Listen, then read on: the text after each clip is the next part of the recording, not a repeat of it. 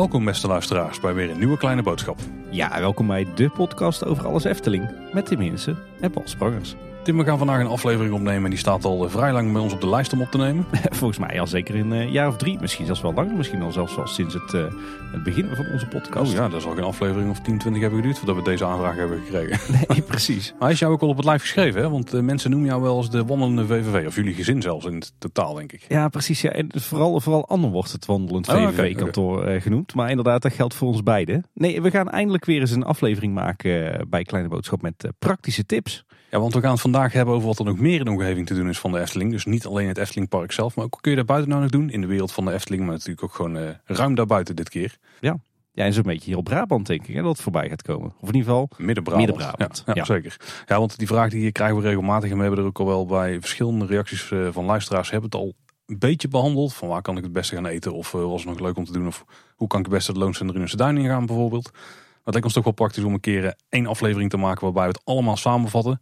Waarbij ik nog bang ben dat we dingen gaan vergeten. Want in de loop van de week is iedere keer wel weer iets van... Oh ja, daar kan ook nog erop. Zo waarschijnlijk ook nadat we de recorder hier uitzetten nog verder gaan. Dus ik ben bang dat we niet helemaal compleet zijn. Maar dat doen we wel een keer een toevoeging in een nieuwsaflevering. Ja, precies. Op weg hier naartoe dacht ik ook nou nog... Och vrek, ja, dat hoort er ook nog bij. En oh ja, die winkel hoort er ook nog bij. En oh ja, je kunt daar ook nog lekker eten. Maar uh, ja, dat is wel vaker met uh, kleine boodschappen afleveringen in voorbereiding. Nee, nee, jij zei het al, we krijgen heel vaak uh, vragen van mensen die hier een paar dagen in de buurt van de Efteling verblijven. Van joh, hoe zit dit, hoe zit dat? Maar we hebben ook al best wel vaak de vraag gehad hè, om een aflevering te maken met tips van wat je nog meer kan doen in de omgeving van de Efteling. Dus vandaag is het zover. Ja. Maar niet de eerste aflevering met tips hè? Nee, uh, want we hebben er al best wel veel gemaakt in, uh, in de geschiedenis van Kleine Boodschap. Alhoewel, het, het, was wel allemaal binnen de eerste 100 afleveringen. Oh, hebben gewoon 150 afleveringen tussen laten zitten. ja, ja onze, onze allereerste aflevering met praktische tips ooit was natuurlijk de aflevering met uh, tips voor een dagje Efteling met kleine kinderen. dat was onze zevende aflevering. Inmiddels denk ik dat we al wel een, een remake kunnen maken van die aflevering. Want destijds zaten wij allebei nog in de baby's en de peuters. En inmiddels zitten we in de kleuters en uh, de jonge kinderen. Hè? Ja, en op speeltuingebied is er nog wel wat gebeurd in de Efteling dus. Ook dat. En verschoonruimtes zijn niet meer zo belangrijk voor ons. En is er zelfs eentje van bijgekomen. Dus Kijk. we moeten de tips natuurlijk niet alleen toespitsen op die van ons. Maar we kunnen wel iets beter praten over de tips voor oudere kinderen. Ja, precies. En, en verder hebben we, hebben we nog vier afleveringen gemaakt met uh, ja, tips die eigenlijk een beetje afhankelijk zijn van het seizoen. Hè. We hebben een aflevering gemaakt uh, met tips voor een regenachtige dag in de Efteling aflevering 25. Daar hinten we nog vaak naar terug als het weer eens uh, pleuris weer is buiten. Maar zo hebben we uh, ook een aflevering gemaakt met tips voor een warme dag in de Efteling. Dat was uh, nummertje 37. We hebben ook een aflevering gemaakt met tips voor een winterse dag in de Efteling. Nummertje 64. En tot slot aflevering 96 was een, een aflevering met tips voor een drukke dag in de Efteling. Ja, dat was een beetje on, tot op heden ons portfolio met, van praktische tips afleveringen. Maar vandaag voegen we daar dus weer een aflevering aan toe, eindelijk. Er liggen nog wel een paar aanvragen voor andere afleveringen met tips. Die komen vast en zeker in de toekomst een keer aan de beurt. Zeker. Ja, we gaan vandaag dus een, een aflevering maken met tips uh, voor wat je kunt doen als je hier uh, in de omgeving bent. Hè. Als je dus in de buurt van de Efteling verblijft of in de wereld van de Efteling verblijft. Wat kan je dan nog meer doen dan de Efteling alleen? Dat is eigenlijk een beetje de hamvraag. Of misschien woon je wel in de buurt van de Efteling. Dan is het natuurlijk sowieso wel leuk om te weten wat je hier allemaal nog meer kan doen. mocht je nou zeggen, ja, ik kom echt alleen voor de Efteling naar de Efteling en altijd maar één dag. Ja, dan is het natuurlijk even de vraag in hoeverre deze aflevering interessant en relevant voor je is. Aan de andere kant, misschien steek je er toch nog wel wat van op. Ja, ik denk dat er zeker dingen tussen zitten waarvan je denkt, dat is toch wel gewoon een reden om een dagje naar die regio toe te gaan en dan een keer niet naar de Efteling te gaan, maar wel die andere dingen te bezoeken. Want er zitten dingen bij die zijn echt wel de moeite. Absoluut. En zeker als je, als je niet alleen wat hebt met, met de Efteling, maar ook met andere vormen van leisure, met, met dieren, met musea, met cultuur, eh, met om het even wat voor soort vorm voor maakt, dan denk ik dat er nog heel veel leuks eh, voorbij komt in deze aflevering. Zeker. Zullen we gewoon eens eh, doorheen gaan lopen, Tim? Want we hebben best wel veel om te behandelen. De lijst is lang. Precies. En eh, dan beginnen we toch nog redelijk on topic uh, met uh, ja, de wereld van de Efteling eigenlijk. Hè? Ja, want het Efteling Resort zelf heeft namelijk ook heel veel te bieden. Ook ja nou, het Efteling Resort zeggen Zo zie ik het in het draaiboek staan en ze noemen het zelf ook wel hè? Ja, klopt. En ik denk dat we hier vrij vlot doorheen kunnen lopen, want dit hebben we al regelmatig aangehaald. Ja, stel je verblijft in de Efteling en je bent ook naar de Efteling geweest, dan heb je sowieso de mogelijkheid om nog te dineren in het park na sluitingstijd. Dus ja? het is niet dat het om zes uur of zeven uur of net wanneer het park dicht gaat echt is afgelopen. er zijn een paar opties voor. Ja, uh, het hangt er natuurlijk wel even vanaf welk seizoen het is, hoe druk het is, of het op een doordeweekse dag is of in het weekend en of corona nog een rol speelt of niet. Uh, maar in ieder geval in het verleden is dat mogelijk geweest, onder meer bij uh, Polles Keuken. bij het Wapen van Ravelijn. En in het theaterrestaurant, wat volgens mij momenteel luistert naar de naam Pinocchio's Pizza en Pasta Restaurant. Natuurlijk eh, bij de uitgang eh, gelegen. Uh, ja, dat zijn volgens mij de drie plekken waar je na sluitingstijd nog kunt blijven zitten om uitgebreid te dineren. Nou, ook al ben je niet naar de Efteling geweest, dan kun je ook nog wel in de wereld van de Efteling dineren naar, of aan het eind van de dag, maar eigenlijk gewoon de hele dag door bijna, op een aantal plekken. Want zowel in Bosrijk, het Loonse Land en het Efteling Hotel heb je restaurants waar je gewoon eigenlijk heel de dag terecht kunt voor een hapje en een drankje. Ja. ja, en niet alleen dat. Eh, we gaan het natuurlijk in deze aflevering ook hebben om uh, over allerlei opties waar je kunt overnachten en verblijven in deze regio. Uh, maar laten we dan inderdaad beginnen bij de resorts van de Efteling zelf. Hè. daar hebben we het al geregeld over gehad in, in onze afleveringen. maar om ze nog even kort op te sommen. Jij zei het al, het Efteling Hotel natuurlijk bij iedereen bekend. Omdat je er langskomt als je naar de Efteling toe rijdt met de auto over de Europalaan. daar vind je 100 hotelkamers. Uh, een heerlijke bar, de gelachkamer. Daar kan je natuurlijk ook terecht als je uh, niet in het uh, hotel verblijft. En ik denk een pleisterplaats voor heel veel Efteling-liefhebbers en luisteraars van ons. de Hoffelijke Hout, het grote restaurant daar. En je hebt er af en toe ook nog een buffetrestaurant. Nou, dan hebben we natuurlijk Bosrijk. Na het, het hotel, het eerste vakantiepark van de Efteling. Waar je, nou de naam zegt het al, in een bosrijke omgeving verblijft. In boshuizen en, of dorpshuizen. En daar heb je ook een, een tweetal hotelgebouwen. Het Landhuis en het Poorthuis. En in het poorthuis vind je ook het zwembad, het badhuis uh, en het eethuis waar je kunt ontbijten, lunchen en dineren. Uh, en dan hebben we natuurlijk nog het Loonse Land. Uh, het vakantiepark wat daarna opende. net wat meer budget variant. En ook daar kan je in allerlei soorten huisjes verblijven of in een, in een hotel.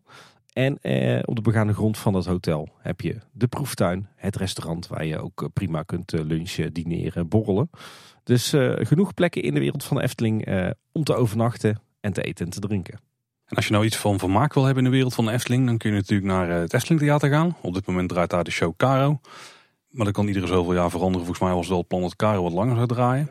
Maar je kunt ook actief aan de gang gaan, want je kunt ook gaan golven bij Golfpark de Loonse Duinen. Dat is natuurlijk het oude Efteling Golfpark, maar ook daar is het restaurant.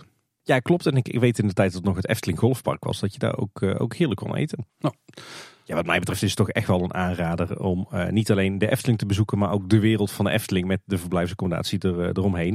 Ik denk als je uh, meerdere dagen Efteling wil doen, bijvoorbeeld omdat je van wat verder weg komt en je wil in die Efteling-bubbel blijven, ja, dan is het echt ontzettend leuk om, om te verblijven in het hotel of Bosrijk of het Loonse Land. Uh, prachtige plekken. Zeker Bosrijk en het Loonse Land zijn, uh, zijn gewoon geweldig als je houdt van uh, overnachten in een wat natuurlijke omgeving. zeker als je kinderen hebt, want er zijn ook allerlei leuke speelmogelijkheden. En ben je maar een dagje in de Efteling. Ja, ik vind het hartstikke leuk om je Eftelingdag te verlengen. Door dus in een van die vakantieparken of het hotel even lekker wat, wat te eten en te drinken. Of even te borrelen met, met wat vrienden. Echt wat mij betreft een aanrader. Dan hoef je toch niet eens zo ver in de omgeving te zoeken. En dan blijf je echt in die Efteling-bubbel. En uiteindelijk is het natuurlijk ook beter dat je, dat je geld uh, binnen, bij de Efteling belandt en niet bij uh, de conculega's in de omgeving. Maar daar gaan we het nou wel over hebben, Tim. We gaan nu afscheid nemen echt van de wereld van de Efteling en we gaan het dan net wel verder buiten zoeken. Met uh, lichte pijn in het hart. ja, we hebben een aantal categorieën die we willen doorlopen. En ik denk dat het een beetje daarbij hebben aangehouden dat de meeste dingen die zouden zelfs op fietsafstand zijn. Sommige zelfs op loopafstand als je in de wereld van de Efteling verblijft. Of in een van de accommodaties die er echt heel dichtbij liggen. Uh, maar een aantal, daar zul je wel de auto voor moeten pakken. Ja, of het openbaar vervoer. Hè. Ik denk dat de meeste dingen eh, op ons lijstje ook wel per, eh, per bus te bereiken zijn. Ja, zeker een goede. Ja. En dan beginnen we bij eten en drinken in de omgeving, Tim. Ja, want eh, ik kan me zomaar voorstellen dat je of inderdaad dat je hier in de omgeving verblijft een aantal dagen. En dan moet je toch eten en drinken. Of misschien zeg je toch na een Eftelingdag wel, ik blijf niet hangen in die wereld van Efteling. Maar ik wil na mijn Eftelingdag ergens anders eten. Je hebt natuurlijk een aantal verblijfsplaatsen en daar heb je gewoon een restaurant bij zitten. Dus denk aan een aantal van de hotels hier in de buurt. Maar er zijn ook wel wat restaurants die we nog los willen aanhalen. Uh, bijvoorbeeld Grillig, het vrijdag bij de Efteling. Het is een soort, het is een soort tapasrestaurant, maar niet met echte klassieke tapas, maar met gewoon kleine wereldgerechtjes waarbij je er meerdere kunt bestellen. Volgens mij kun je ook nog la carte eten daar, maar daar zie ik zelf iemand doen. Het is vooral dat concept wat heel erg aanslaat. Ja, je zegt dat, maar ze zijn ooit begonnen als echt een goed grillrestaurant. Hè, met echt ja, ik ben kwalitatief heel goed uh, vlees. Ik vind het ontzettend jammer dat ze daar vanaf zijn gestapt. Ik ben de openingsweek geweest, ja. Toen was dat nog, daar zijn ze snel vanaf gestapt. Jammer. Uh, daar tegenover ligt de Molen. Dat is denk ik een van de, ja, chic. Het is niet super chic of zo. Het was vroeger een sterrenrestaurant. Ja. Um, ze hebben nog wel een beetje die uh, allure, maar ja, je kunt daar gewoon prima eten met iedereen, met je gezin ook. Ze staat toch in de omgeving nog wel bekend als het, uh, het meest chique restaurant hier in deze, deze contraien. Daar is het ook, ja. Ja, misschien dat sommige van de hotelrestaurants ook wel een beetje op dat niveau zitten. Maar daar kom ik zelf niet zo heel veel. Nee, ik denk dat, dit, eh, dat de molen echt nog wel bekend staat als, uh, als de plekken waar je naartoe moet als je echt wat exclusiever wil eten. In ieder geval een prima tent. Ook een aantal keer geweest. Nou, als je Dorsten verder afrijdt, dan kom je bij Eetcafé James. Ja, qua eetcafés lijkt dat wel het iets hoger segment. Ook een hele leuke plek om te zitten met de prima eten. En een goede sfeer. Hè? Dat doet voor mijn gevoel. Ik, ik ben er uh, ooit twee keer geweest te eten s'avonds. Doet een beetje, uh, nou, niet echt bruin café, dat, maar het is wel uh, wat, wat donkerder sfeertje. Een beetje Iers of Schots misschien wel. Ja, je krijgt het eten ook niet geserveerd standaard op een bord. Of tenminste niet in alle gevallen. Je krijgt soms ook een tegel waar je eten op uh, ligt en zo. Ja. Dus voor hier voor de omgeving vrij uniek. Ja, maar e-, echte Bourgondische gerechten. Hè? Dus mooie stukken vlees, mooie stukken vis. Uh, daar, daar ga je met een goed gevulde maag naar buiten. En uh, ja, daar hangt echt wel een, een, een warme sfeer. Ik vind James vind ik echt een leuke plek om, om te gaan eten. Zeker. Ja, en dan, dan verlaten we de Horst en dan uh, gaan we even naar uh, het centrum van Kaatsheuvel. En dan komen we een beetje in mijn uh, hometown natuurlijk. en sinds een aantal jaren hebben we hier het, het Anton Pieckplein in Hartje Kaatsheuvel. een ander Anton Pieckplein dan in de Efteling zelf natuurlijk.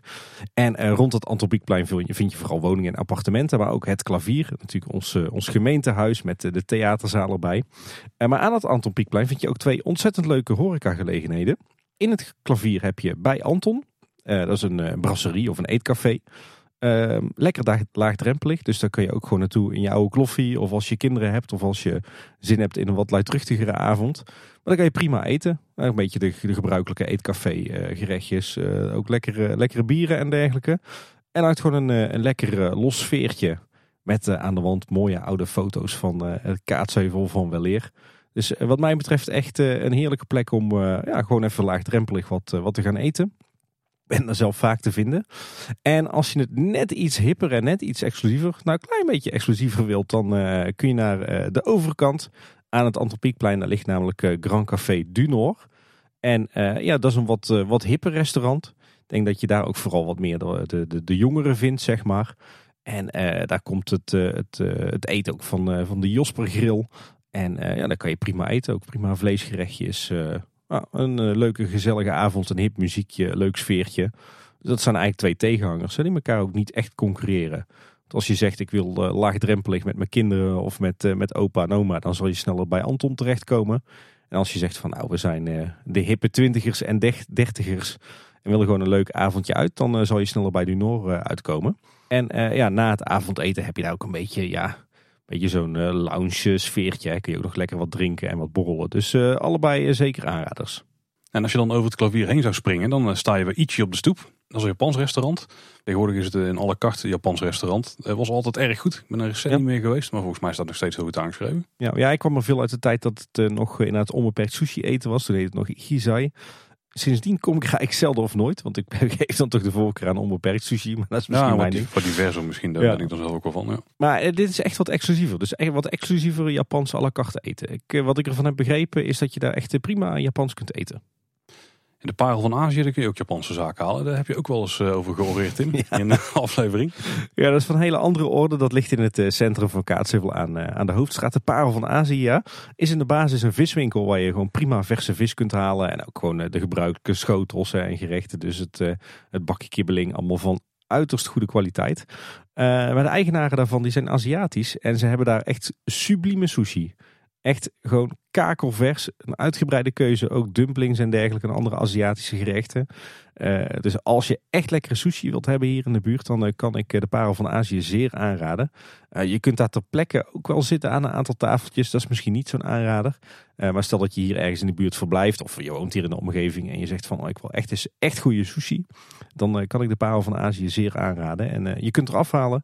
je kunt het ook thuis laten bezorgen. En nou, wat ook natuurlijk wel handig is als je een gezelschap hebt wat, waarvan de ene helft zegt ik heb zin in sushi en de andere helft lust het niet. Nou, die kunnen gewoon lekker een kibbelingetje of een lekker bekkie of een, een haringje met uitjes eh, weghalpen. Kijk, als we dan toch een beetje in die Aziatische sfeer nog zitten, Tim. Dan hebben we ook nog een Chinees restaurant in Kaatsheuvel. Ja, ja, we hebben nog meerdere, maar dit is wel echt de nummer één, eh, denk ik, van het dorp. Alhoewel, ik denk dat iedere Kaatsheuvel daar weer een andere visie op heeft. denk dat dichtstbijzijnde de meest populaire bij iedereen. Maar deze heeft ook wel een Efteling linkje, want hier werd vroeger heel veel Chinees gehaald hè, door het personeel. Absoluut. De, de Yitsing, zit, zit op ja, zo'n beetje op de kruising van de Horst en de Van Heeswijkstraat. Dus ook vlakbij de dienstingang van de Efteling. Vandaar dat hier waarschijnlijk de Efteling-organisatie een soort van bijna een eigen ingang had, zeg maar. En ja, wat mij betreft het beste Chinese restaurant in, in Kaatsheuvel. Daar kan je wel ter plekke gaan zitten om te eten. maar er wordt natuurlijk ook heel veel gebruik gemaakt van de afhaaloptie.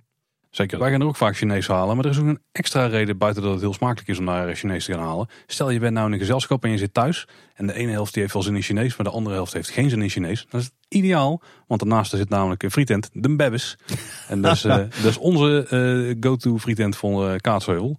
En het ideaal is, dan kun je dus Chinees bestellen bij de ene. Nou, dan weet je op drie minuten nauwkeurig wanneer het klaar is. Bij de Bebbes bestel je ook friet. Voor hetzelfde moment en dan loop je gewoon op beide plekken naar binnen. En dan is iedereen voorzien thuis ideaal. Godsamme, dat is handig, eh, Paul. En de Bebs heeft ook een paar zitplekken. Is verder niet, uh, verder qua uitstraling niet heel spectaculair. Maar de friet die je daar kunt kopen en de snacks die zijn echt uh, top.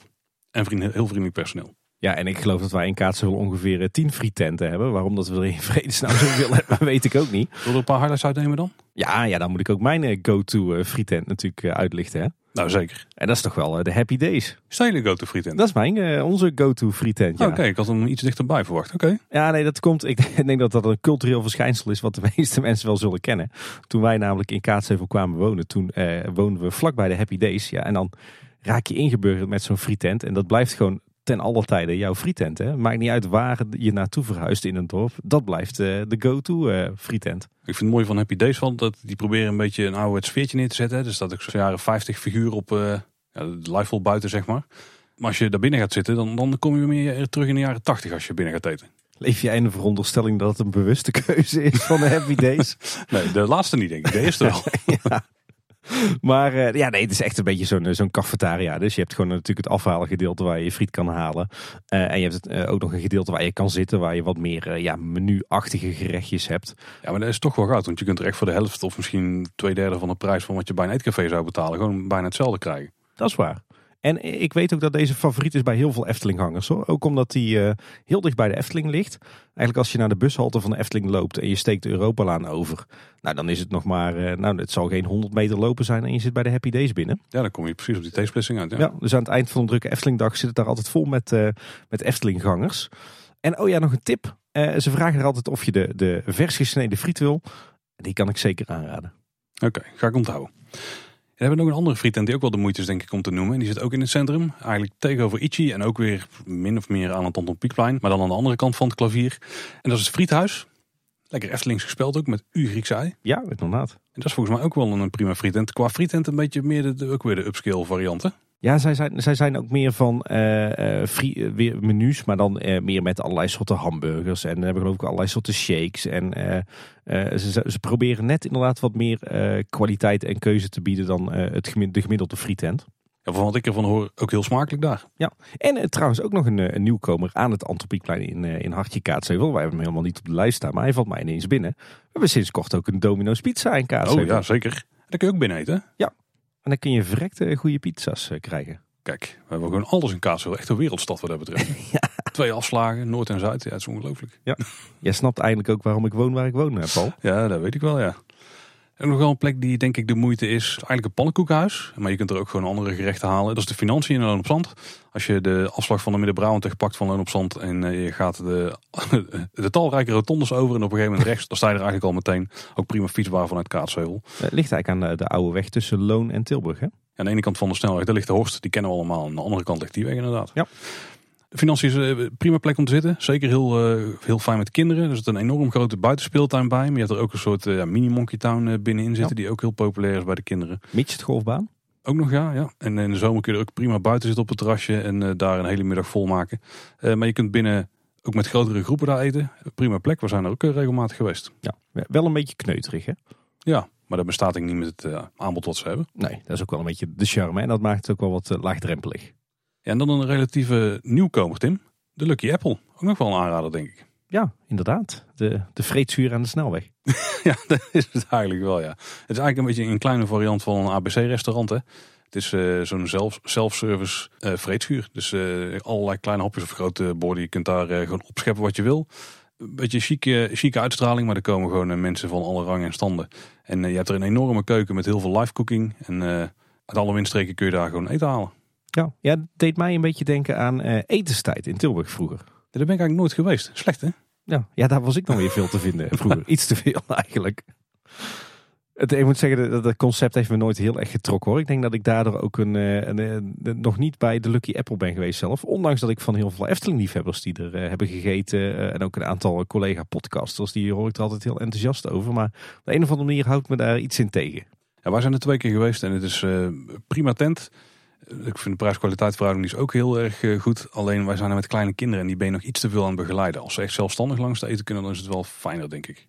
En als je met een groep volwassenen bent, is het helemaal prima. Want iedereen gaat aan zijn eigen gang. Maar wij zitten daar iets te onrustig. Er zit wel ook een binnenspeeltuintje bij. Maar ik moet zeggen dat die van de financiën dan eigenlijk indrukwekkender is dan wat je daar hebt. Oh.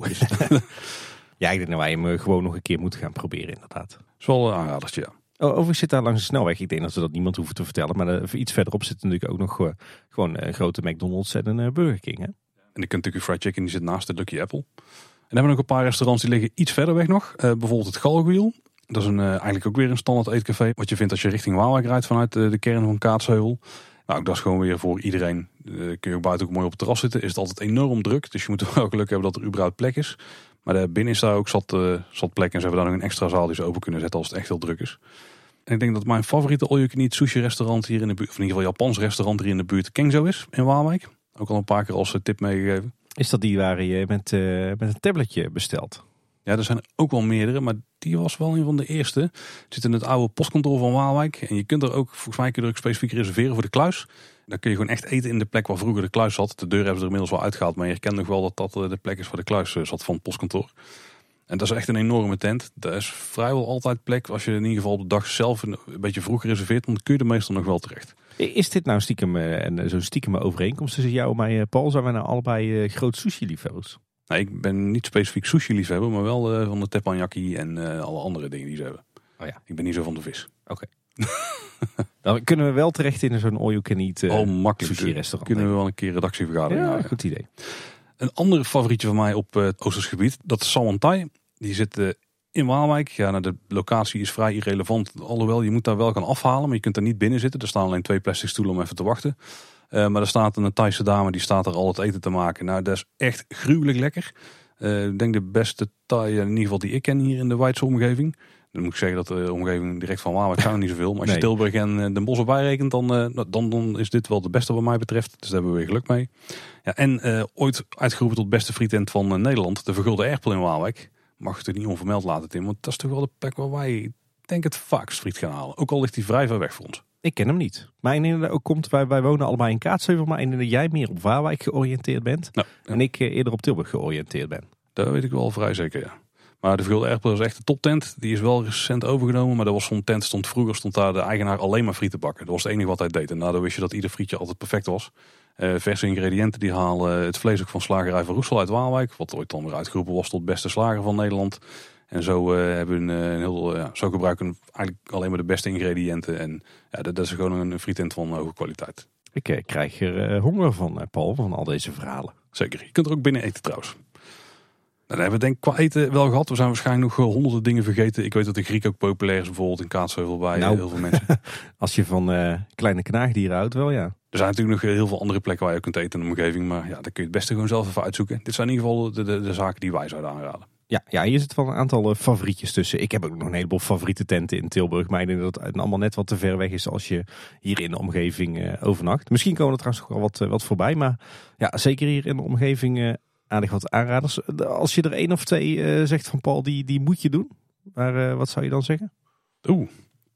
Ik zou dan toch wel Kengzo aanraden. James. Ja, goeie. Ik denk dat ik eh, dan toch zou gaan voor of bij Anton of Grand Café du Nord. Dat je dan gewoon lekker in het in hartje Kaatsheuvel zit. En ik denk dat die twee restaurants elkaar goed aanvullen. Zal ik zo bekennen? Ja. Ik heb eh, bij beide nog niet gegeten. Nee, Paul, dat kan niet. Ja, nee, echt. Ik heb bij Anton wel regelmatig wel gedronken, maar nog nooit eh, gedineerd. Kan je goed eten hoor. Dat moeten we dan maar eens gaan doen, ja. Dan kunnen we denk ik door naar de volgende categorie. En dat is verblijf. Ja, want uh, waar ga je verblijven als je meerdere dagen naar de Efteling wil? Of als je meerdere dagen in deze regio wilt verblijven? Uh, dat kan natuurlijk bij de Efteling zelf. Dat hebben we denk ik allemaal het liefste. Hè? Ik bedoel, dat komt uiteindelijk ten gunste aan, aan de Efteling en daarmee ook de investeringen. maar stel dat je zegt van ja, ik wil even uit die Efteling-bubbel. Of van mij mag het ook best wel iets goedkoper dan op het Efteling Resort. Dan zijn er steeds meer opties hier in de buurt. Hè? Ja, we hebben bijvoorbeeld het Guesthouse Hotel. Daar hebben we een uitgebreide reportage al gemaakt. Uh, dat is een prima hotel, uh, vrij modern. Ook kamers voor uh, volledige gezinnen. zit ook naast het Hotel de Kroon. Dus het, die hebben ze inmiddels ook overgenomen. Dus daar zit een beetje samen onder dezelfde noemen nu. Dat is iets ouderwetser. Ja. En daar ben ik eigenlijk nog nooit binnen geweest. dus ik weet niet precies hoe het er binnen uitziet. Maar... Ja, dat is echt een beetje zo'n zo'n ouderwets familiehotel eigenlijk. Hè? Ja, nou, de Guesthouse Hotel, dat is in ieder geval een prima moderne optie. Met ook een enorm goed restaurant beneden. Ja, ja dat is gewoon lekker modern, lekker hip. Uh, ik moet zeggen, de tent wordt gerund door eh, Koen Schelfors. Die heeft natuurlijk ook een, uh, uitgebreid uh, verleden bij de Efteling. En, die heeft er echt al kijk op met zijn team. Dus je vindt er ook allerlei leuke verrassingen, allerlei activiteiten. Ze hebben overal aan gedacht. Het is, het allemaal mooi gethematiseerd, mooi afgewerkt. dat, dat, is echt een, een toptent. wat ze daar neerzetten is echt, echt heel goed. En ja, wat mij betreft zou dit het nummer één alternatief zijn na een, een verblijf op het Efteling Resort. En sowieso qua afstand tot de Efteling ligt hij veruit het beste vergeleken. Ja. Hij ligt nog dichter bij de Efteling dan de Happy Days. en hij ligt nog dichter bij de Efteling dan, nou ik denk zelfs dan Bosrijk. Ja, ik denk als je, als je uh, niet telt vanuit het Huis van de Vijf Zintuigen, maar als je zeg maar telt uh, vanaf het moment dat je op Efteling grondgebied komt. Ja, je staat eigenlijk zo vanuit het Guesthouse Hotel uh, op het busparkeerterrein. En de wandeling vanaf Loonse Land is sowieso langer. Ja. Wil je nou verblijven in een, in een huisje of in een vakantiewoning, dan is een hele mooie optie Landalpark Kaatsheuvel. Een zeer inspirerende naam. Ja, een park met CK toch, geloof ik? Ja, we komen er daar ook nog in tegen, in dezelfde categorie. Er zijn moderne huisjes uh, met ja, wel wat faciliteiten bij. Er zit een zwembad bij, er zit een receptie bij met een klein winkeltje. Maar dan houdt het ook wel op. Maar ligt wel echt in de rand van de Loons en de Runense Duinen. Dus wat dat betreft ben je echt binnen een paar stappen sta je gewoon midden in de bossen. En het is nog op een prima afstand van de Efteling. Je zou er vanaf kunnen lopen. Maar ik denk dat een fiets meer aan te raden is, zeker met een drukke dag. En daar eigenlijk naast, daar ligt Europarks Resort Kaatsheuvel. Dat is het Resort Kaatsheuvel, staat op de bordjes. Ja. ook weer schitterend uh, creatief bedacht. Die hebben ook een hoop huisjes, maar dan meer in de chalet uh, variant, maar, maar dan wel de, de hippe en modernere variant. Dat bijna voelt als een huisje in heel veel gevallen. Een eh, mooi aangelegd park met een hoop waterpartijen er ook op. Er zijn ook meerdere speeltuinen daar te vinden en ook een grote springkussen. Er zit ook een restaurant bij. Er zit trouwens ook een zwembad bij, met een binnen- en buitenzwembad. Ja subtropisch volgens mij, maar daar gaat vooral om de luchttemperatuur in dat geval. Verwacht daar niet in de centerparks. Nee, want dit Europarks is eigenlijk een beetje een reïncarnatie van uh, de Droomgaard. Hè? Ik denk mij veel van onze luisteraars misschien nog wel bekend uit de jeugd. Nou, als je het een reïncarnatie noemt, dan doe je het wel eh, te kort, denk ik. Want ja. de Droomgaard was echt een camping en dit heeft daar niks meer mee te maken. Je kunt er echt alleen maar verblijven. Ja, hoewel, je hebt ook safari-tenten trouwens. Je kunt er niet je eigen caravan of uh, camper of tent meenemen. Nee, maar het restaurant en het zwembad en zo, dat is wel nog hergebruik van de oude voorzieningen van de Droomgaard, toch? Ja, het restaurant is iets uitgebreid volgens mij, maar dat klopt wel, ja. Die indeling van het park is verder hetzelfde, alleen de plek waar het park oprijdt is net iets anders. Ja. En de midgetgolf is weg. Ze hebben er nu een grote speeltuin voor in de plek gelegd. Die had je er vroeger ook nog. Ja, ja wij komen geregeld op Europarks gewoon om eh, even een uurtje te spelen met eh, de kids. Ja, dat is een prima park daarvoor. Ik denk met kinderen misschien nog wel beter dan Landalpark Kaatsen. Want het is ook een beetje net wat je zoekt voor accommodatie. Ja, ik denk dat, ik denk dat Landalpark dat dat net wat... Nou, exclusief is het verkeerde woord. Ik denk dat het wat rustiger is, wat groener, uh, maar ook wat minder te doen. Ik denk dat Europarks is net wat, ja, wat laagdrempeliger, uh, wat kindvriendelijker. Ja, ik denk dat het er wel op neerkomt. De landel is ook kindvriendelijk hoor, maar net iets meer speelmogelijkheden bij Europarks. Ja. Wil je wat, uh, wat kleinschaliger en wat charmanter uh, overnachten, dan zijn er ook nog een paar opties. Zo heb je in het centrum van Kaatsheuvel, in de Peperstraat, heb je het Peperhuis. En dat is wat ze dan een, uh, een boutique hotel noemen. Is eigenlijk een heel kleinschalig hotel met wat kamertjes, met, met wel een mooie zaal waar je wat kunt eten, wat kunt ontbijten. echt mega charmant. En eh, heel goed gedaan. Ziet er, eh, ziet er heel, eh, heel chic, luxe uit. maar, maar zonder dat ze hele gekke prijzen vragen hoor. Maar het is een totaal andere optie dan een grootschalig hotel of zo'n vakantiepark.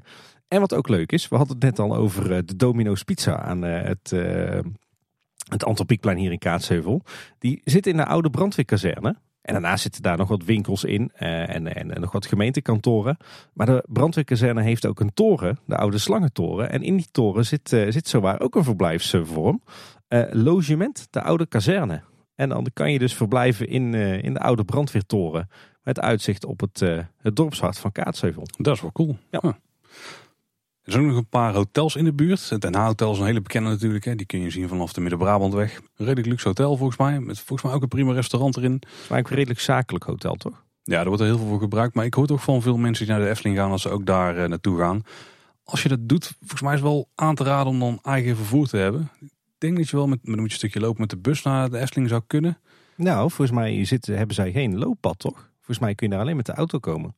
Nee, je kunt volgens mij aan de achterkant eraf langs het politiebureau en dan kun je richting James, want die zit daar dan ook weer. Daar zit je dan vlakbij. Dus zit daar, dan zit daar een busstation, maar ik weet niet eens of dat de bus vanaf daar direct naar de Efteling rijdt. Maar als je daarheen gaat, ja, dan is de auto toch wel de makkelijkste manier om bij de Efteling te komen. Fietsen ook kunnen, maar die heb je waarschijnlijk niet bij als je naar een hotel gaat. En een andere hoteloptie in de buurt is Hotel Waalwijk. Is wel echt een flink stuk verder weg. Maar ook een prima hotel, ook met goede horeca trouwens. Dat is van Fletcher tegenwoordig, toch? Dat is tegenwoordig van Fletcher inderdaad, ja. En ik denk dat de grootste campingoptie in de buurt, dat is het genieten. Er zit ook een enorm grote speeltuin bij. Daar zijn ook wel eens te vinden, Tim. Wij ook volgens mij. Daar zijn wij geregeld te vinden, ja. Wij ook inderdaad. Um, dat is een middelgrote camping. Daar kun je wel zelf nog met je eigen caravan en camper en tent en zo heen. Maar er staan ook wat chalets. Dus daar heb je verschillende vormen om daar te verblijven. Er is ook veel horeca bij. Ook een grote binnenspeeltuin. Daar kun je jezelf ook prima een week van maken met de kids. Ja, hele gastvrije mensen ook die de boel daar runnen. En eigenlijk daar pal naast liggen nog een paar blokketten. En die worden dan verhuurd door de Roestelberg, door een café-restaurant daar. Er zijn er volgens mij maar een stuk of zes. Uh, dus een vrij kleinschalig stukje verblijfsrecreatie in de omgeving. Ja, en, en verder zie je ook steeds meer in ons, in ons dorp en deze regio uh, wat, uh, wat bed and breakfasts en Airbnb's ontstaan. Ja, dat heb je overal, ja. Volgens mij stimuleert de gemeente het ook wel, hoor, dat steeds meer mensen dat doen. Een beetje afgekeken in rust, denk ik. ja, klopt inderdaad, ja. Misschien ook wel goed te noemen is, als je nou verblijft in de buurt van Kaatsheuvel, er zijn ook een paar, uh, nou, laten het faciliteiten noemen in de buurt. Waarbij het wel goed is om daarvan op de hoogte te zijn, denk ik. Ja, want dat is wel grappig, hè? want we, we weten dat, eh, dat Kaatsheuvel er al jarenlang bezig is uh, om aantrekkelijker te worden voor uh, mensen die de Efteling verlaten aan het eind van de dag. Hè. Dan hopen ze dat die mensen nog even in Kaatsheuvel blijven hangen. Of inderdaad mensen die hier in de omgeving overnachten. Uh, van joh, er is zoveel te doen in Kaatsheuvel. Maar ik moet zeggen dat ik daar af en toe nog een beetje achter mijn oren krap wat er dan in Kaatsheuvel te doen is. Je kunt er eten, je kunt er slapen. En er zijn een paar winkels waar je naartoe kunt. Ja, maar dat is dan toch eigenlijk wel. Ja, ja, stel je verblijft tegen zo'n huisje of in een tent en je wil boodschappen doen. Dan is het wel handig dat, uh, dat je weet waar je dat kunt doen. Ja, en als je het dan daarover hebt. We hadden het net over een pareltje van een hotel, het, het Guesthouse Hotel. En onder het Guesthouse Hotel, op de begane grond, zit denk ik toch wel een pareltje van de supermarkt uh, sinds kort. Ja, zeker. Dat was, vroeger was namelijk denk ik de beste supermarkt van Kaatsheuvel was de Jumbo. Maar tegenwoordig is de Albert Heijn die jij bedoelt, die zit onder het Guesthouse Hotel. Het is denk ik wel de chicste supermarkt die we hebben. Ja, en nou, dat denk ik niet alleen. Niet alleen van Kaatsheuvel, maar van de hele, hele regio denk ik toch wel. Nou ja, die Albert Heijn XL in Tilburg is ook wel een aardig winkeltje. Ook wel een beetje oud toch? Dat is wel een jaar of drie geleden dat ik er ben geweest. Is, is dat zo? Ja, volgens mij heeft hij al uh, een wat doorleefdere uitstraling. Die, die is wel groter in ieder geval. Maar ik, ik denk dat onze Albert Heijn wel uh, net wat aangenamer uh, winkel is. Nou, in ieder geval een hele ruime winkel met een volledig assortiment. Daar kun je alles krijgen wat je maar nodig hebt. Een paar andere supermarktopties in de buurt zijn de Lidl. Ligt ook vrij dicht bij die Albert Heijn. Dus ook een nieuwe, moderne Lidl, zeg maar. ook een prima winkel trouwens om gewoon boodschappen te doen. Met een geweldige bakkerij. Ja, hoe zeker. En hebben ze pretzels. Oh, en, en, en hamkaascroissants en uh, ja, van die broodjes en, oh. ja, die zijn goed. Dus dat, dat is echt een favoriete plek van ons om op zondag heen te gaan en dan even lekker een broodje voor de lunch te halen. Ja, of zo. echt perfect. Overigens, eh, die Albert Heijn waar we het net over hadden, die ligt trouwens ook echt op loopafstand van de Efteling. Dus ben je nou in de Efteling zelf of overnacht je op een van de resorts en je hebt zoiets van, ik wil nog dit of dat eten of drinken of ik heb nog een bepaald verzorgingsproduct nodig. Je bent echt in een mum van tijd in de Albert Heijn. En eigenlijk dat is wat het voordeel van alle supermarkten in Kaatsheuvel, dat er een uh, groot parkeerterrein altijd bij ligt. En gratis hè? Ja, in alle gevallen ja. ja. Want de laatste supermarktoptie, of eigenlijk twee, want het is wel bijzonder denk ik. Ik denk dat dit de twee dichtst bij elkaar gelegen supermarkten van dezelfde keten zijn. In Nederland zou dat kunnen? Dat zou best wel eens kunnen, ja. Want ik denk dat er op hemelsbreed nog geen 100 of 150 meter afstand twee Jumbo's zitten in Kaatsheuvel. Met ook gewoon een volledig assortiment. Die doen niet voor elkaar onder. De ene is wel net iets groter en moderner dan de andere, maar dan nog. Die zitten beide echt in het centrum van Kaatsheuvel, maar er ligt echt een grote parkeerplaats naast. Ja, ja de ene was ooit eh, de MT, hè? die is pas eh, recent een uh, Jumbo geworden. Die heeft er wel stickers overheen geplakt gekregen. Ja. Maar ze hebben hem wel behouden om een of andere reden. Ja. ja, ik denk om te voorkomen dat er weer een andere supermarkt in gaat zitten. Ja, dat is wel een goede. Ja, want voor heel veel andere dingen is die winkel niet geschikt. Nee, dan zit je weer met bestemmingsplannen en dergelijke. Maar laten we het daar nu niet over hebben. Maar ja, het winkelhart van Kaatsheuvel is eigenlijk vrij overzichtelijk. Je hebt de hoofdstraat, dat is de hoofdstraat, waarin je wat, uh, ja, wat winkels vindt. Eh, de Paal van Azië onder andere. En, en Bruna en Ethos. Nou goed, je kent het wel. Een, een zeeman, een blokker. En je hebt de Hoofdpoort. Dat is een overdekt winkelcentrumpje. Dus één, ja, dus één stukje van 150 meter denk ik zo. Als je dat al haalt. Ja. Halen we net. Maar op zich wel een, eh, een, handige plek om te kennen. Want daar vind je dus inderdaad uh, onder andere de Jumbo. Mijn supermarkt. Uh, en die van ons ook, ja. Kijk. En, maar dan vind je bijvoorbeeld ook de Kruidvat, de Hema. Nou, die heb je toch altijd wel eens nodig. En de Bakker Bart, waar je trouwens ook echt heerlijke broodjes hebt. dus ook prima om even te lunchen daar te zitten of wat, wat te halen voor thuis. Super satébroodje, aanrader. Ja, en nog een kleine uitsmijter, eh, Paul. Want eh, wat, waar we in Kaatsheuvel ook gezegend mee zijn, is het toch wel een ontzettend goede banketbakkerij. Oh ja, zeker. En die luistert naar de naam. Piekfijn. Kijk, dus ook nog een, uh, een Efteling linkje. Of eigenlijk een Anton Pieck linkje. Ja, nou met name ook qua uitstraling van de bakkerij zelf hè? Ja, zeker. Bakkerij Piekfijn uh, ligt overigens ook weer ja, een beetje in dat, dat gebiedje met de Happy Days, het Guesthouse Hotel en de Albert Heijn. Dus ook weer op loopafstand van de Efteling. Uh, en ja, dat is gewoon een, een, geweldige banketbakkerij. Kan je heerlijk brood en uh, banketten en gebak en taarten krijgen. Allerlei mooie creaties. En ja, wat jij al zegt, die is helemaal opgetrokken in uh, de Anton Pieck-stijl. Wel de overdadige variant ervan overigens. Met heel veel doorpiepende baksteentjes en het, het, het, ziet eruit alsof Toverland in Anton Pieck-stijl zou bouwen. ja, laat het allemaal ophouden. Ja, niks aan gelogen toch? Nee, ik, ik, ik snap precies wat je bedoelt, ja. Het is het Toverlandse Anton Piekstel. Dat is het. Als deze aflevering geen titel zou hebben, dan zou dat er worden. ja. ja, dan zijn we eigenlijk door het schitterende centrum heen gereisd. Maar als je te voet zou doen, dan zou het niet heel veel langer duren om erheen te lopen, denk ik. Dus dan kunnen we door naar, ja, ik denk toch wel het andere grote stuk waar deze regio onbekend staat. En dat is toch wel de natuur. Ja, inderdaad, want we hebben het er al over gehad waar je kunt eten en drinken en waar je kunt overnachten. Maar je wil natuurlijk ook iets te doen hebben naast een, uh, een bezoek aan de Efteling. En als ik zo in ons draaiboek spiek, Tim, dan is het eigenlijk uh, alles waar we nu over gaan hebben alles wat je nog kunt doen in een omgeving aan uh, vermaak. Het is eigenlijk heel slecht dat we dat, uh, dat hier noemen. Hè? Want eigenlijk moet je natuurlijk uh, drie, vier dagen in de Efteling rondhangen. Ja, zeker. Maar je kunt er ook een weekje van maken. En dan pik je nog een paar van de extra dingen eruit. Blijf je gewoon lekker op Bosrijk zitten. Daar heb je helemaal gelijk in. Of op een van die andere verblijfsaccommodaties. Maar dan leg je de meeste flappen bij de Efteling neer. Vinden wij prima. Ja. En dan is er inderdaad nog heel veel moois te zien in de omgeving. Zeker op het gebied van natuur. Zoals we beginnen met uh, echt gewoon de buurman van de Efteling. Of ze liggen er misschien zelfs wel een beetje half in, als er geen snelweg tussen had gelegen. Ja, we hebben recent natuurlijk geleerd dat er een hele innige link is tussen de Efteling en, uh, en het, het gebied waar we het over gaan hebben. namelijk de ijsbaan. Dus dan weten onze luisteraars denk ik al wel over welk gebied het gaat. De Loons en de Duinen natuurlijk. Precies. Het Nationaal Park en het Natura 2000 gebied. Dus ook nog eens een, een heel waardevol en goed beschermd natuurgebied. Ja, voor ons ook, voor ons allebei ook een beetje de achtertuin hè. Ja, zeker. En ook een gebied waar wij veel te vinden zijn. Absoluut. Misschien eh, om daarop te oriënteren even grof het, de opbouw van het gebied schetsen. Ja, in de basis is het eigenlijk een heel groot stuifzandgebied. Dus de kern van het gebied bestaat ook vooral uit stuifzand. Heel ja, fijn, korrelig uh, zand eigenlijk. Het is eigenlijk één grote zandbak met her en der een naaldboompje. Uh, en daar rondomheen vind je nog wat heide en nou, nog best wel veel bos. Het is voornamelijk dat, dat stuifzand wat zorgt dat er een hele bijzondere uh, flora en fauna te vinden is. En het mooie is dat het gebied eigenlijk uh, heel goed te bezoeken is en heel goed omsloten is. Ja, je zou kunnen zeggen dat het eigenlijk als het ware een enorme rechthoek is tussen Tilburg en Waalwijk. En het makkelijke is dat je op uh, de vier hoekpunten van die rechthoek heb je eigenlijk vier grote horecapunten met allemaal grote parkeerterreinen. Dus dat zijn de plekken waar je na naartoe kunt gaan om de Loons en Duinen te bezoeken. Uh, daar zullen we daar nog wel even bij stilstaan wat die plekken dan zijn. Uh, vanuit die punten vertrekken ook allerlei bewegwijzerde wandelingen. En wat helemaal ideaal is, is dat er uh, ja, eigenlijk aan de buitenrand van die rechthoek... dat er een enorm lang fietspad loopt. Dus je kan de Loos en Drunische Duinen ook helemaal rondfietsen. en dan fiets je dus niet aan de buitenkant van het natuurgebied. Dan fiets je nog wel erin, maar met name in de bosachtige stukken. Ja, en er is gewoon ontzettend veel te doen. Je kan er heerlijk wandelen. Gewoon vrij wandelen over de stuifzandvlaktes, maar ook door de verschillende bosgebieden. Maar je hebt dus ook allerlei bewegwijzerde routes. Je kunt er heerlijk fietsen, je kunt er mountainbiken, je kunt er paardrijden. Ja, het, het, het is voor ons echt wel uh, het nummer één uh, natuurgebied uh, hier, toch? Zonder twijfel, ja. ja. Ja, je zegt dat de kern wordt gevormd door het stuifzandgebied. Dat is ook het grootste stuifzandgebied van West-Europa. Heel Europa. Ja.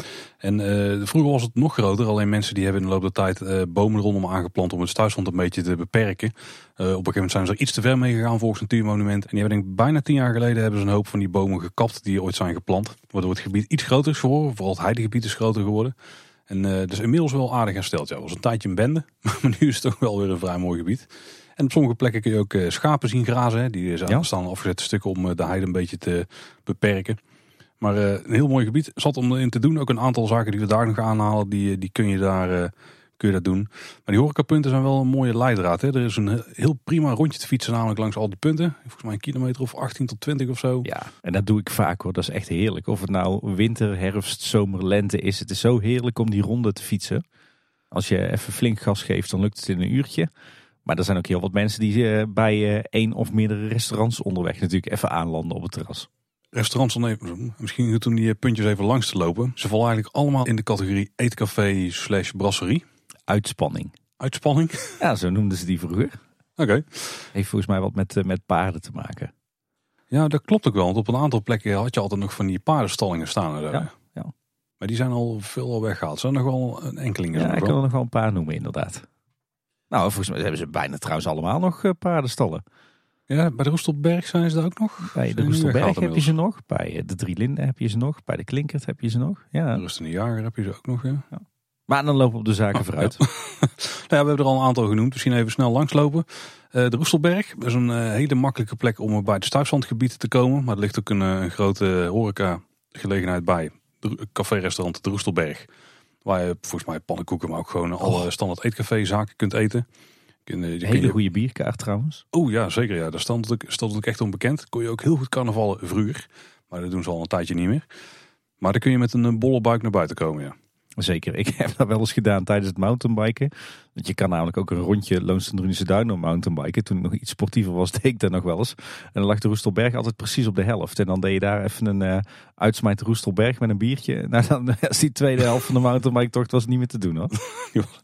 En de calorieën die heb je ook alweer uh, opgespaard, aangevuld. Daar niet eens denk ik. Ik denk nee. dat je heel erg overheen bent gegaan. Maar de Roestelberg is wel de plek, daar sta je echt het snelst in Stuifzand. Want dat is letterlijk van de parkeerplaats aflopen en dan ben je er gewoon.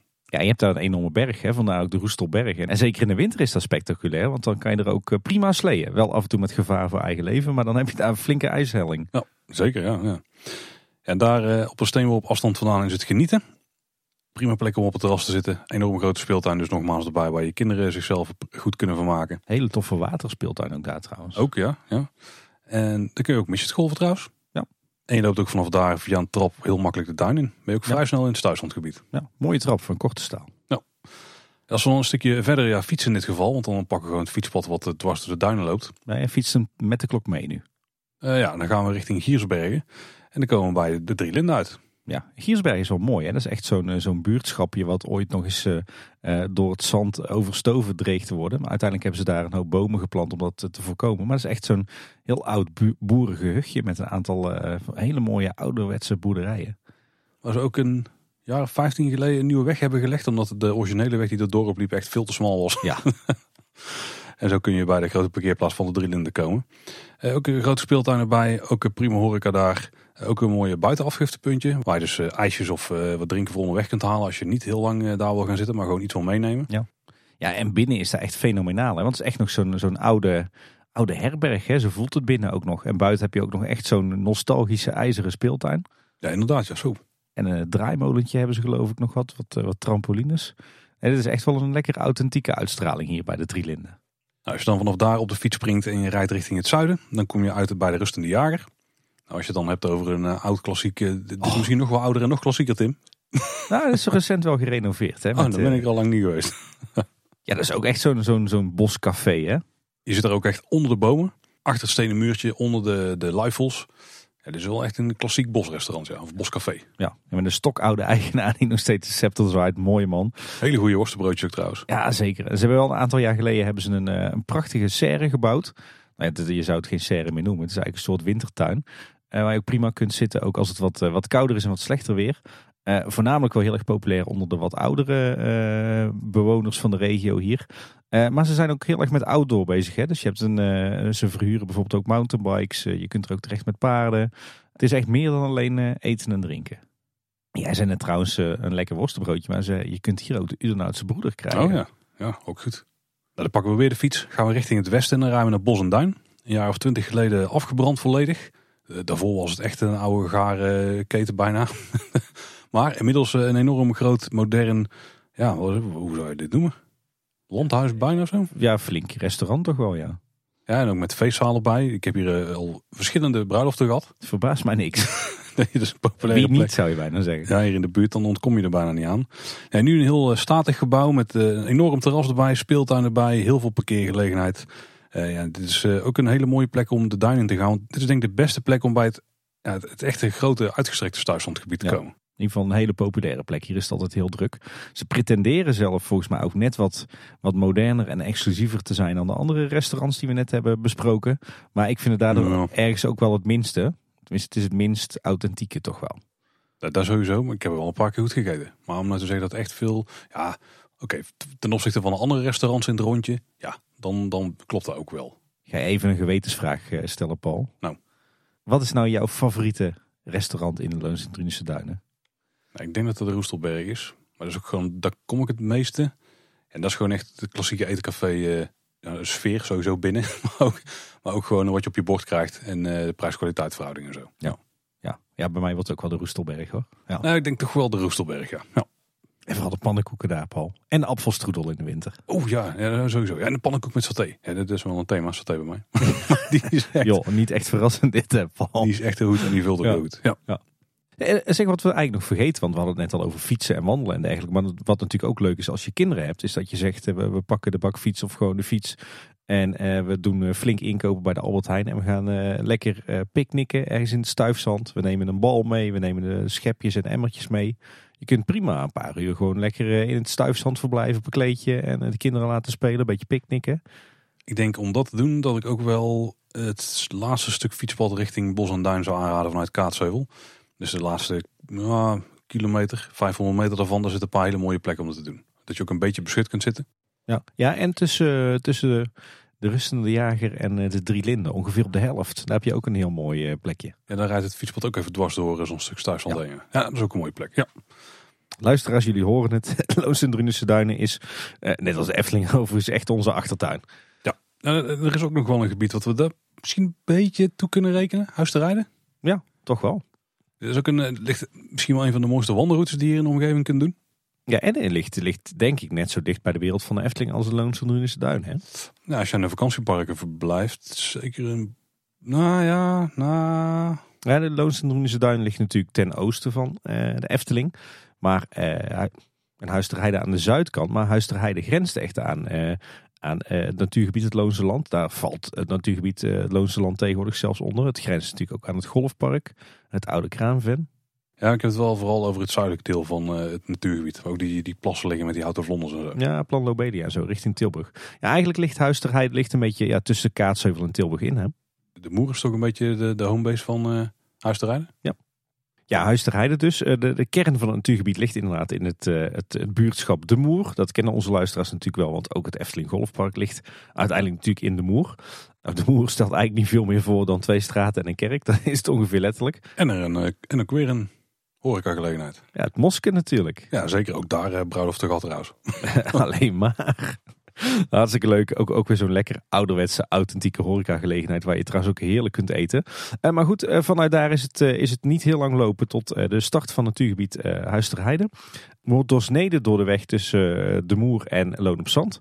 En eh, in het ene gedeelte richting Tilburg, eh, daar heb je een heel aantal verschillende wandelingen. Eh, deels, eh, deels bosachtig, maar deels ook rond eh, allerlei mooie waterplassen waar je ook heel wat flora en fauna tegen kunt komen. Vaak eh, Schotse hooglanders ook daar. Heel mooi gebied. En aan de andere zijde van die weg tussen de Moer en Loon op Zand heb je ook nog een blauwe route die je kunt lopen. Ook weer heel bosachtig. En het leuke daar is dat die wandeling sinds kort ook over een deel van het oude bungalowpark, het Kraanveen gaat. Wat natuurlijk voorheen van de Efteling was. Heel mooi gebied. En, en een favoriete bezigheid bij ons is om er naartoe te gaan.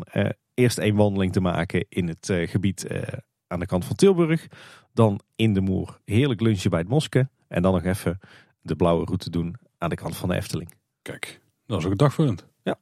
En er zijn nog wel andere natuurgebieden, maar de meeste daarvan die ken ik niet zo heel goed. Dan ben ik misschien maar één keer geweest, maar volgens mij heb jij er ook kind aan huis. Ja, inderdaad. En wat dan bij mij zeker favoriet is, eh, en dat ligt iets verder weg van, van de Eftelingen van deze regio, dat zijn de Oosterwijkse bossen en vennen. Natuurlijk bij het dorpje Oosterwijk. Eh, ook weer een heel mooi natuurgebied. Met, uh, ja, de naam zegt het al, heel veel bossen en heel veel vennen. Je zou die, uh, nee, gewoon...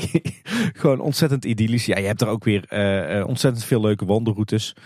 begint geloof ik bij drie kilometer, dus dat is prima te doen met, met kinderen.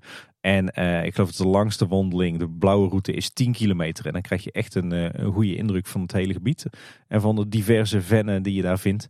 Ja, ook weer prachtige natuur. En ook weer leuk te combineren met horeca. Je hebt eigenlijk twee grote uh, horecapunten echt in het gebied liggen. Er rondomheen ligt, ligt ook ontzettend veel uh, verblijfsrecreatie en vakantieparken en restaurants en weet ik het allemaal. Maar als je zegt ik wil een leuk dagje Oosterwijkse bossen en vennen doen, dan zou ik starten bij Groot Spijk. was ooit ook zo'n lekker kneuterig ouderwets restaurantje midden in het bos. Dat is een keer afgebrand. En daar hebben ze nu een enorm gebouw voor teruggezet. Dat is uh, bezoekerscentrum van natuurmonumenten en restaurant en binnenspeeltuin en winkel in één. Ongelooflijk toffe plek om te vertoeven. Kan je trouwens ook heerlijk eten met een hele leuke alternatieve biologische kaart. Nou, vanuit daar vertrekken allerlei wandelroutes. Maar je hebt daar aan één zijde van het gebouw heb je uh, gewoon een leuke speeltuin. En aan de andere zijde van het gebouw heb je de Oer Natuurspeeltuin. Midden in het bos met... Uh, ja, heel veel boomstammen en takken en hutten en uh, beekjes en modder. Uh, hartstikke leuk voor de wat uh, avontuurlijkere kinderen. en ietsje verderop in het bos ligt Boshuis Venkraai. Dat is ook echt zo'n echt zo'n heerlijke authentieke uitspanning waar je gewoon lekker op het terras kunt zitten met een ongelooflijk indrukwekkende bierkaart. Met lekkere ijskoeps, met, met lekkere gebakjes. Uh, en wat toch wel een favoriete activiteit is bij ons is inderdaad starten bij Groot Spijk. En dan een eindje lopen en dan even aanlanden bij uh, Boshuis Ventkraai. En dan weer terug naar Groot Spijk. En uh, nou, ook daar kun je prima een dag vullen hoor. Jazeker. Ik heb mijn dochter nog wel eens daar bij de oerspeeltuin uit het water moeten vissen. ja, heel herkenbaar. Over het takkenbrug aan het klauteren. Maar dat ging niet zo goed. Ja, dan nog wat andere mooie natuurgebieden hier in de regio als je er geen genoeg van kunt krijgen. naast de Oosterwijkse bossen en vennen ligt ook de Campina-hei. Ook een mooie combinatie van uh, bossen, vennen en, en heiden. Uh, minder toeristisch dan de Oosterwijkse bossen, maar er liggen wel een paar mooie, mooie wandelroutes. Zo zijn er ook wat, uh, wat natuurgebiedjes die aan de Loonsendrunische duinen grenzen. Je hebt aan de kant van Waalwijk heb je nog een, een stukje wat plantloon heet. Dat is een beetje een mix van, van bosgebied en agrarisch gebruik. En aan de andere zijde ligt de brand. En dat is best wel een avontuurlijk natuurgebied. Want zoals de naam al een beetje zegt, is dat echt een moerasbos heb je ook hele bijzondere flora en fauna en uh, vrij avontuurlijke wandelingen. Zeker in de natte seizoenen. Je zegt de naam doet het misschien vermoeden, maar de brand en... Ja, dat komt voort uit het feit uh, dat men vroeger heel veel turf won in dat gebied. En turf was natuurlijk een brandstof. Ah, dus vandaar de brand. Een heel tof gebiedje, ook met hele bijzondere flora en fauna, omdat het er zo extreem nat is. Ja, dan hebben we natuurlijk ten zuiden van Tilburg nog uh, de Rechte Heide bij Riel. Ook een heel mooi heidegebied. Uh, ligt ook weer een, eh, een hele toffe uh, horecagelegenheid bij de Rovertse Lei. Kan je ook prima eten en drinken. En daar starten ook diverse wandelroutes. en dan heb je eigenlijk een beetje rondom Waalwijk, Sprankapelle en Waspik heb je ook nog het gebied De Langstraat. Dat is een heel erg nat gebied met weilanden. En dan heb je wel een aantal toffe stukjes natuur of plukjes natuur ertussen liggen eigenlijk. Ja, met heel veel knotwilligen en, en dergelijke. Ook een heel tof gebied. En juist dan weer helemaal aan de andere kant, eh, ten zuiden van Hilvarenbeek, ligt eh, landgoed de Utrecht. Uh, qua naam heel erg verwarrend misschien, maar ook een, een heel mooi gebied met heel veel bos en heide. En wat je daar bijvoorbeeld ook vindt is de Vlaastoren. Een hele mooie uitkijktoren waarmee je over het hele gebied uitkijkt. En het restaurant De Bokkenrijder. Nou ja, daar moet menig hart toch sneller van gaan kloppen. Waar ze echt nou, dus sowieso is die plek, het is echt net of je in het Openluchtmuseum terechtkomt. Want het is echt, echt een prachtige oude hoeve met allerlei mooie bijgebouwen. Met een, eh, een schitterend terras. En uh, ja, de plek staat vooral bekend om echt zijn, nou ja, zijn goddelijke uitsmijters. Nog nooit geweest. Absoluut uh, een aanrader, Paul. Zoals ik alleen nog van plekken waar ik nog even langs moet keren. ja, we hebben zoveel mooie natuur in, in deze omgeving. Nee, dat blijkt wel weer. En Drunense Duinen, dat is een gigantisch natuurgebied. Maar we hebben nog een enorm natuurgebied hier in de buurt zitten. Daar verbleekt de rest erbij. En dat is de Biesbos. Heel bijzonder stukje natuur in Nederland. Uh, water is daar een uh, heel belangrijk onderdeel van. Ook heel tof om het op het water te verkennen. Je kunt op heel veel plekken gewoon bootjes huren. En dan kun je op je eigen tempo kun je door het gebied heen varen. Maar er zit ook een, een museum midden in het Biesbos. Ook een hele goede plek om wandelingen vanuit te doen. En je hebt op heel veel plekken gewoon parkeerplaats. En er zijn er verschillende wandelroutes uitgezet.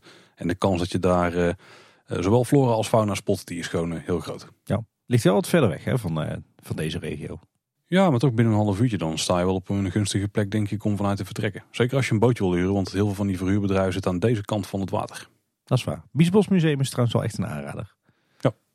En dan gaan we door naar het kopje wa- waar we niet echt een hele goede naam voor hebben. Maar laten we het de dagattracties noemen. Al zijn het soms ook halve dagattracties of misschien maar voor een uurtje of zo een, een goede plek om jezelf te vermaken. In, incluis een paar eh, concurrenten van de Efteling toch wel.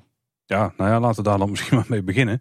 Want de grootste concurrent wat dat betreft is denk ik toch wel de Beekse Bergen. Ja, bijna jammer dat het niet tot de wereld van de Efteling eh, eh, behoort. Maar daar zijn de meningen over verdeeld. ook wel eh, jullie thuispark, hè? tweede thuispark. Ja, inderdaad. Wij hebben daar inmiddels al een, een aantal jaar een abonnement.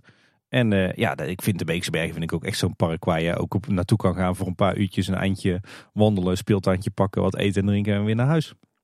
Maar eh, dat is hoe wij het doen. Dat is natuurlijk niet hoe de meeste van onze luisteraars het zouden doen. Nee, de Beekse Bergen eh, is eigenlijk ook een enorm resort. Je hebt natuurlijk het, eh, het Safari Park, bij de meeste mensen wel bekend. Een ontzettend uitgebreide, uitgestrekte terrein. Het is een soort dierentuin zou je kunnen zeggen. Maar dan niet met, eh, met allerlei hokken en verblijven.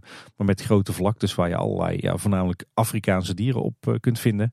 Maar ook met een aantal, eh, aantal goede restaurants. Met een uitgebreide wandelsafari die je zelf kan lopen. Dan heb je natuurlijk de autosafari. En dan ga je met je eigen auto op tocht door het safaripark. Je kunt ook nog met de bus rond. Je kunt met de boot rond. Ongelooflijk veel leuke en minder geslaagde speeltuinen. Eh, ja, gewoon een heel tof safaripark. En eh, ja, wel absoluut een van mijn eh, favoriete dierentuinen hier in, in Nederland. Ja, wij komen er ook wel één keer per jaar. Ja. En wat leuk is, is de Beekse Bergen is meer dan dat. Want zo heb je bijvoorbeeld ook nog Speelland Beekse Bergen. Eh is eigenlijk wat je, je tegenwoordig een waterpark zou noemen. Hè? Een grote recreatieplas waar je aan kunt eh, zonnen en in het water kunt spelen en kunt zwemmen. Met daar rondomheen eh, veel horeca en nog wat, wat speeltuintjes en, en attracties. Het was ooit wel echt een, een attractiepark, maar ze hebben heel veel van die attracties de laatste tijd eh, weggehaald. Ooit had je zelfs zo'n enorme kabelbaan die het speelland met het safaripark verbond. Ben je daar al eens in geweest, Paul? Daar moet ik wel een keer in zijn geweest, ja. Had daar vroeger zelfs trouwens een IMAX theater. Ja, klopt inderdaad. Maar die is al heel lang niet meer te bezoeken. en aan dezelfde plas waar Speelland aan ligt, daar ligt dus ook nog het eh, vakantiepark.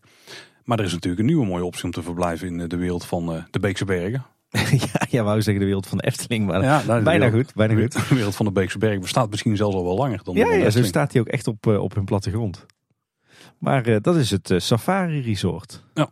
En godsamme, dat is wel echt een stukje verblijfsaccommodatie om er een ringetje te halen hoor. Ja, we hebben hem hier bij gesmokkeld, want hij is net iets te ver weg van de Efteling, denk ik, om onder de andere kop te scharen. Maar is ook wel een hele toffe plek om te verblijven. Echt uniek in Nederland. Ja, inderdaad. Want wat je daar dus vindt is eh, ja, eigenlijk een soort mini-Beekse Bergen Safari Park. Hè. Dus je hebt, eh, ehm, het is een bosachtig gebied. Met in dat bosgebied eh, ook weer een heel aantal savannes. waarop allerhande soorten wilde dieren grazen. En rond die savannes, daar zijn allerlei vakantiewoningen geplaatst. En die zijn Afrikaans gethematiseerd. En ze zijn verrassend luxe. En eh, tijdens een van de vorige lockdowns eh, zaten wij er even helemaal doorheen. Wilden echt even dat vakantiegevoel. En toen zijn we een weekendje naar het Safari Resort geweest. Nou, en we hebben echt de tijd van ons leven gehad. Echt een geweldig luxe, luxe vakantiewoning. Goed restaurant erbij, leuke, leuke voorzieningen. eh, ja, een mooi park, heel veel dieren. Dus eh, absoluut een aanrader. Ik denk als je, als je een, een week of anderhalve week in deze regio wilt verblijven... eh, dan denk ik dat de combinatie is enerzijds de Efteling... met een aantal dagen op uh, Bosrijk of Loonse Land... en, eh, en daaraan vastgekoppeld een verblijf op het Safari Resort... met, met één of meerdere dagen Beekse Bergen. Ik denk dat dat een, een prima combi is. En dat is dan toch een klein beetje het, het Orlando van Europa. Hè? Nou, een heel klein beetje. ja. Hey, maar even terug naar de dagattracties. Nogmaals, dag tussen quotes. Het Dierenrijk is ook nog wel een optie. Een dierenpark in Nune. Eh, heel klein begonnen, maar heeft zichzelf langzaamaan uitgebreid. En is toch wel een redelijk serieuze dierentuin geworden. Ja, ja, ook van Libema, net als de Beekse Bergen. Dus dat valt allemaal onder, eh, onder één en dezelfde groep. En als trouwens uh, Zoopark Overloon. Dat is, ligt iets verder weg, maar ook nog in Brabant. Maar ja, Dierenrijk is, ja, dat is niet vergelijkbaar met de Beekse Bergen of met, met een Burgers of een Artis. Maar het is echt een, een kindvriendelijke dierentuin. Hè? Dus hij is vrij klein, overzichtelijk. Toch nog best wel veel diersoorten die je vaak van dichtbij kunt zien. En ja, ook weer ongelooflijk veel speelgelegenheid. Gewoon een heel leuk, schattig dierentuintje. En uh, ik denk als je geen kinderen hebt, dan zou ik er niet naartoe gaan. Heb je wel kinderen, dan is het echt de ideale kinderdierentuin. En als je nou echt alle energie uit je kinderen wilt trekken, nou dan kun je ze het beste denk ik een Monkey Town insturen. in de buurt van Efteling zijn er twee goede opties daarvoor. In Waalwijk en in Tilburg. Ja. Ja, en dat is gewoon vrij duidelijk wat daar gebeurt. Hè? Ja, het krijsparadijs hè? Ja, ja, en met wat uh, ja, simpele horeca erbij. Ja, maar ik moet zeggen, Waalwijk is echt zo'n eh, zo'n klassieke monkey town in van die oude tennishallen zijn het. Hè? Ja. Maar in Tilburg, daar ligt het eh, ja, bij de racehof, eigenlijk aan eh, de burgemeester Bechtweg, zeg maar tussen de N261 en de A58. Nou, wordt die heel technisch voor onze Ja. luisteraar. Maar nee, ja, Monkey Town Tilburg is gewoon heel nieuw. Dus het is eigenlijk gewoon een, een nieuwe hal waarin Monkey Town is weggezet. Ik vind die voor een Monkey Town erg schoon, erg fris, erg licht. Dus die is heel aangenaam. Als de kinderen energie kwijt zijn en jij wil wat energie eh, bijtappen, dan hebben we een paar eh, goede opties daarvoor, denk ik. Ja, Bijvoorbeeld de Abdij de Koningshoeve. Daar wordt de Latrap gebrouwen. ten eh, zuidoosten van Tilburg. Daar, ja, daar kun je en een toertje krijgen door de abdij en door de brouwerij. En uiteraard een latrap proeven. Ja, ja, sowieso is dat een mooie plek om naartoe te fietsen hoor. Het ligt prachtig in, in de bossen en eh, de velden ten zuiden van Tilburg. Je hebt daar een geweldig terras waar je ook ontzettend goed kunt eten. Nou, je kunt daar allerhande soorten latrap biertjes kopen, maar ook abdijkaas. Eh, ja, gewoon een heerlijke plek om te zijn. En inderdaad, die, eh, die tour door de brouwerij is echt wel een aanrader hoor. Ja, maar als je kleine boodschap luistert, dan is er misschien toch een andere alcoholgerelateerde tour waar je liever deel aan neemt. De Coca-Cola fabriek in Dongen. Dat is het alcoholpercentage vrij beperkt. nee, de Schobbeleg Tour natuurlijk in Tilburg. Eh, die moeten we nog een keer doen hè. ik eh, ben er nog nooit geweest. Nee, ik ik eh, met schroom bekennen. Maar dit moet gewoon een aanrader zijn, dat kan niet anders. Dus daarom, Lijkt me moet- wel. daarom mag die niet ontbreken op onze lijst. Ben je nou iets meer van de cultuur en wil je een stukje historie mee krijgen? Ja, dan is Kamp Vught wel een hele mooie plek om heen te gaan. Erg indrukwekkend eh, museum. Waar je alles mee krijgt over wat daar heeft plaatsgevonden. En ook gewoon een beetje het in perspectief plaatsen van dingen die in de Tweede Wereldoorlog zijn gebeurd. Die, eh, ja, die gewoon verre van chic waren. Heel, eh, heel indrukwekkend en heel aangrijpend, maar absoluut een aanrader. Dat eh, ben ik mee eens. Overigens, als je de, dat allemaal zwaar vond en je wilde in, in bijna tegenovergestelde meemaken. Als je daar het terrein afloopt, dan loop je zo'n recreatieplas in bijna. Met ook horeca erbij. En dan kun je daar nog eventjes weer acclimatiseren. Ja, dat is de ijzeren man, hè? En dan nog een paar eh, kleinere dingen die je kunt doen in de omgeving. Maar eh, zeker wel de moeite. Bijvoorbeeld, eh, je kunt een escape room doen. Ja, dat is echt jouw ding, hè, Paul. En ook wel steeds meer mijn ding. En er zitten twee, eh tenminste van degene die ik heb gespeeld, zitten twee enorm goede hier in de buurt. De eerste is natuurlijk Epic Escape. Ja. Van de podcastvrienden Maurice en Roy. Die zitten in Waalwijk. makkelijk parkeren daar. Er zit gewoon een parkeerterrein bij, het, bij de escape room. Je kunt er een drankje doen van tevoren. Eh, als je, dat is denk ik wel de tip, boek hem laat. Want dan krijg je misschien ook nog wel een toertje van de kamer. En die duurt langer dan de escape room zelf, kan ik je vertellen. Op dit moment trouwens goed om te melden. Ze hebben in principe twee kamers, maar eentje die ligt er tijdelijk uit. Of in ieder geval op dit moment niet zeker wat daarmee gaat gebeuren. En de andere is Illusion. Hebben wij beide gespeeld, onafhankelijk van elkaar. Ja. Maar we waren alle twee enorm enthousiast erover. Subliem. Ja. Ik ga dat eh, zeker ervaren. Maar ook een andere goede escape room die zit in Tilburg. Dat is het geheim van de snip. Ook een eh, hele toffe kamer, wel vrij moeilijk. Dus het is wel handig dat je, dat je een beetje escape room ervaring hebt, denk ik, als je die gaat doen. De snip heeft dat te maken met geld. Dat heeft zeker te maken met geld. Ja, Met oud bankgebouw, denk ik. hè? Nee, het zit boven een eh biljartzaal volgens mij. Het briefje van 100 gulden speelt er wel een grote rol. Ah, kijk. Er zijn ook nog andere escape rooms in de buurt van wisselende kwaliteit. De Voltage in Tilburg heeft er bijvoorbeeld ook een aantal. Maar ik denk dat als je daarin gaat, dan kun je beter voor de andere activiteiten erheen gaan. Want dat is eigenlijk het klassieke kartcentrum wat een beetje uit de kluiten gewassen is geraakt. En eh, waar je inmiddels ook kunt eh lasergamen, eh, waar je ook kunt worstelen van die pakken en zo. Echt de typische groepsactiviteiten. Voor de vrijgezellenfeesten. Ja, met een aantal escape rooms ook. Maar ik denk dat voor de echt kwalitatieve dat je echt naar Epic Escape en de Snip moet. Maar daar kun je ook prima van maken. Nou, het Burgondisch in Waalwijk is een groot bowlingcentrum. Maar er zit inmiddels ook Glow in the Dark golf bij, Tim. Ja. Dus, Als je er iets van geeft, dan kun je daarvan maken. precies, laten we het daarbij houden. Je hebt trouwens in Tilburg ook nog een, eh, een eh, bowlingbaan, hè? Dolfijn. En daar kun je ook glow in dark eh, golfen. Die is een tijd terug afge, afgebrand en die is helemaal eh, opnieuw opgebouwd. Dan zijn we gemoderniseerd. Ja, helemaal hypermodern. We hadden het net al over Monkey Town. Maar er is ook een soort van buitenvariant van Monkey Town, denk ik, te vinden in de omgeving. En dat is uh, Pukkemuk. De naam kan wat mij betreft beter. Overigens eh, de thematisering ook. Maar Ja. dat is een vrij groot terrein met, ja, met een soort waterspeeltuin. Niet echt een zwembad, maar met wel glijbanen erin en allerlei sproeiers en dat soort zaken. Eh, ook een, ja, eh, misschien toch wel de enige lokvloem van de omgeving hier. Ja, klopt. De, de klompjesbaan is De dat. klompjesbaan, ja. zeker. En een grote binnenspeeltuin en een paar grote buitenspeeltuinen. Er zit ook het, het boerensprookjesbos bij. Ja, Zeg het ook ja. niet? Ja, ja, nou ook echt... eh, Ja. Het is een beetje B-niveau dit, hè? Of C-niveau. Ja, het, ligt in de buurt van de Efteling. Volgens mij ben je binnen 10 minuten of zo vanuit de wereld van Ja. de Efteling. Maar dit is wel eh, van een compleet andere orde. Maar de budget en de ambitie liggen ook een stuk lager. En als je nou in de lente- en zomerperiode bent, dan zijn er ook verschillende maisdolhoven in de buurt. Ik denk dat je daar best even naar kunt googlen. Maar vlakbij Bos en Duin zit een vrij goede. Dus als je daar dan toch bent, is dat een leuke uitstapje om te doen. Dan ben je met gemak anderhalf twee uur uh, jezelf bezig aan het houden. En wat in het algemeen wel een aardige activiteit hier in de omgeving is, dat is uh, geocaching. Jij bent er niet heel bekend mee, Tim? Uh, nee, ik heb, ik heb vroeger wel heel veel in de bossen gelopen met, op GPS-coördinaten, maar dan zonder het, het, het schat zoeken, zeg maar. Nou, dan probeer ik even de, de anderhalf minuut introductie te doen. Geocaching is in principe een soort, ja, noem het een soort spel wereldwijd. Waarbij op allerlei verschillende coördinaten, maar er zijn verschillende manieren hoe je bij die coördinaten kunt komen. Maar daar gaat in principe om, je moet uiteindelijk naar een coördinaat toe en dan ligt daar een soort schat verstopt. Of in ieder geval een cache dus. Uh, waarin meestal een rolletje papier zit of een boekje waar je je naam moet opschrijven. Uh, en je logt dan ook dat je die cache hebt gevonden via de gratis app. die kun je gewoon downloaden, geocaching.com. Dan kun je gewoon vandaag al beginnen daarmee. Dan zie je een groot deel van die caches, die kun je er dan op vinden. Uh, je hebt een aantal verschillende types. Je hebt gewoon echt, dan ga je naar een punt toe en daar ligt hij ook meteen. Maar soms kom je er via een veel uitgebreide route, dat heet dan een multicache. Uh, je hebt nog een aantal andere varianten, maar dat zijn de twee meest voorkomende. Uh, soms moet je ook een puzzel oplossen om tot het coördinaat te komen. En dan, dan kun je ook daar dus zo'n cache vinden.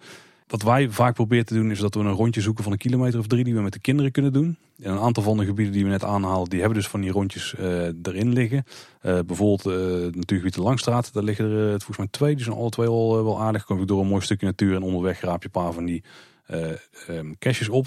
En te registreren, dat is een beetje het, de, de, sport zeg maar. Maar voor de kinderen is het ook wel leuk, want en die kunnen dan dat ding iedere keer zoeken. Dus dat is al een leuke spelelement eraan. En soms zit er ook een wat grotere bij en dan zitten er ook wel heel objecten in. Dus dan kun je daar een sleutelhanger in doen of uithalen. Of, uh, dus je hebt ook een concept dat heet de trackables. Er zijn van die metalen plaatjes vaak met een nummer erop, die voer je dan in. En die, die kunnen bijvoorbeeld als doel hebben van ik wil naar Amsterdam of ik wil naar Dubai of net weet ik veel wat. En dan nemen mensen die dus mee, die gaan op reis. En dan wordt het ding zo verspreid over heel de wereld. Ja. Uh, volgens mij hebben wij er wel eens een van Canada mee naar Nederland genomen of andersom, weet je wel.